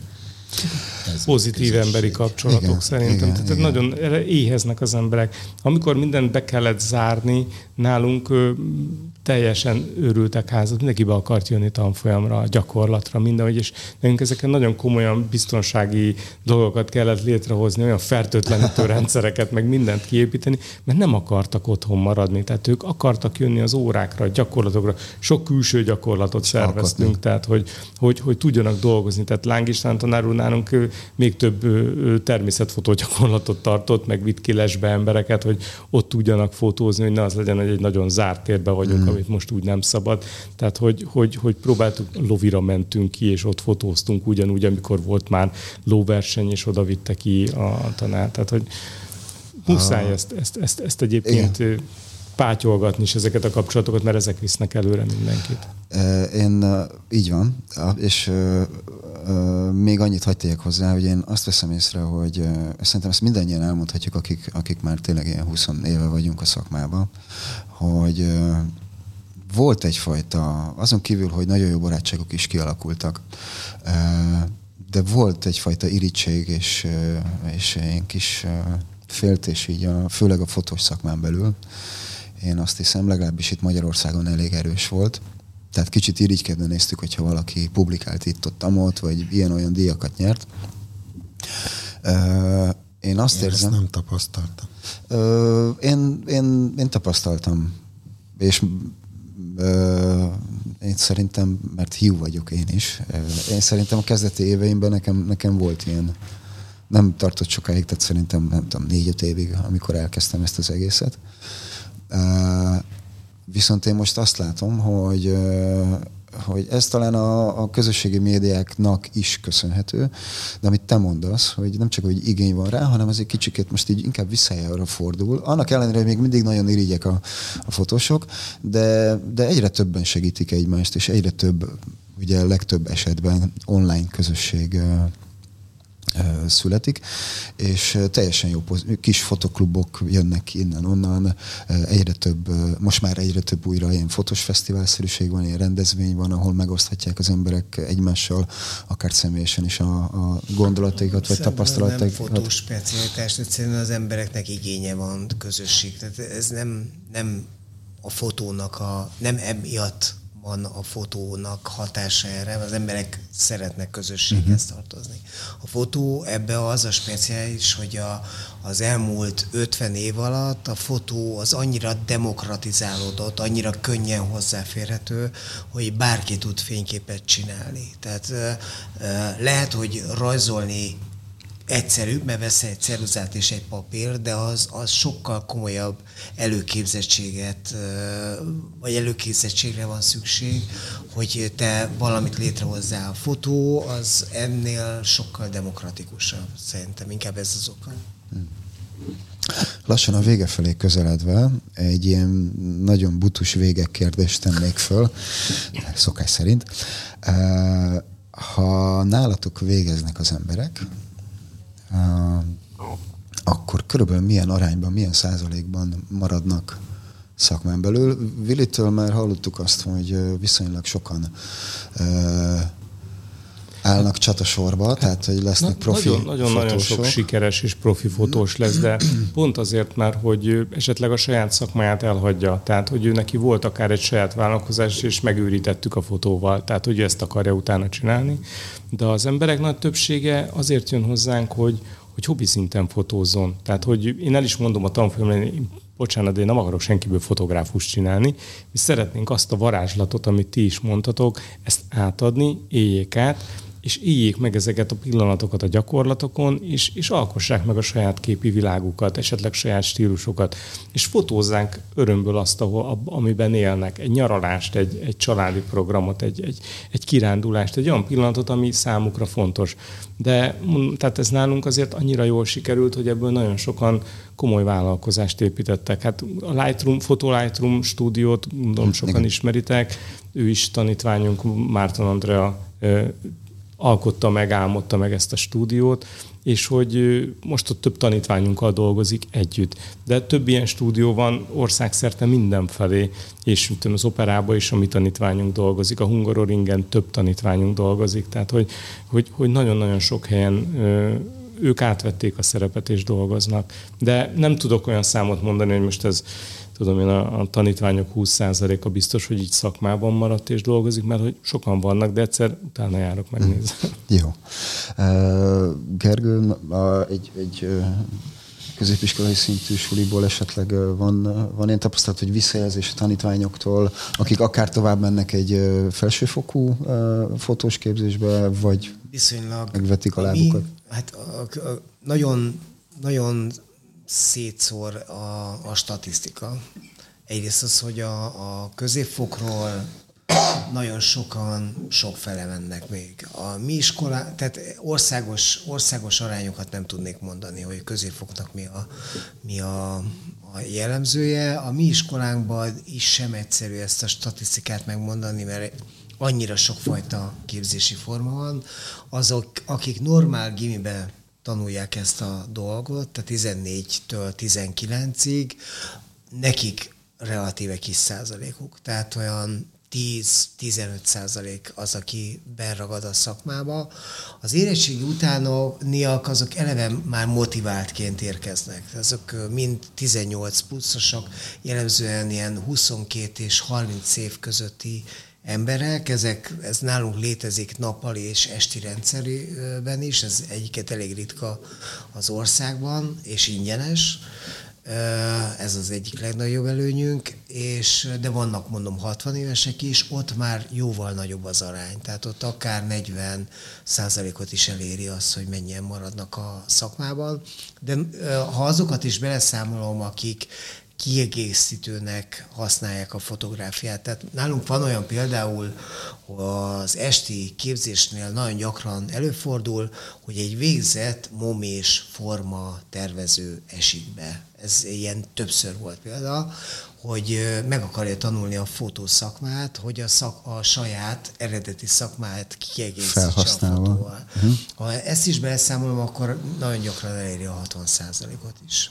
Azért az egy egészen. Az elég jó, de alapvetően aki igazán fotós lesz csak és kizárólag az ilyen 40, inkább alulról 40-nek mondanám.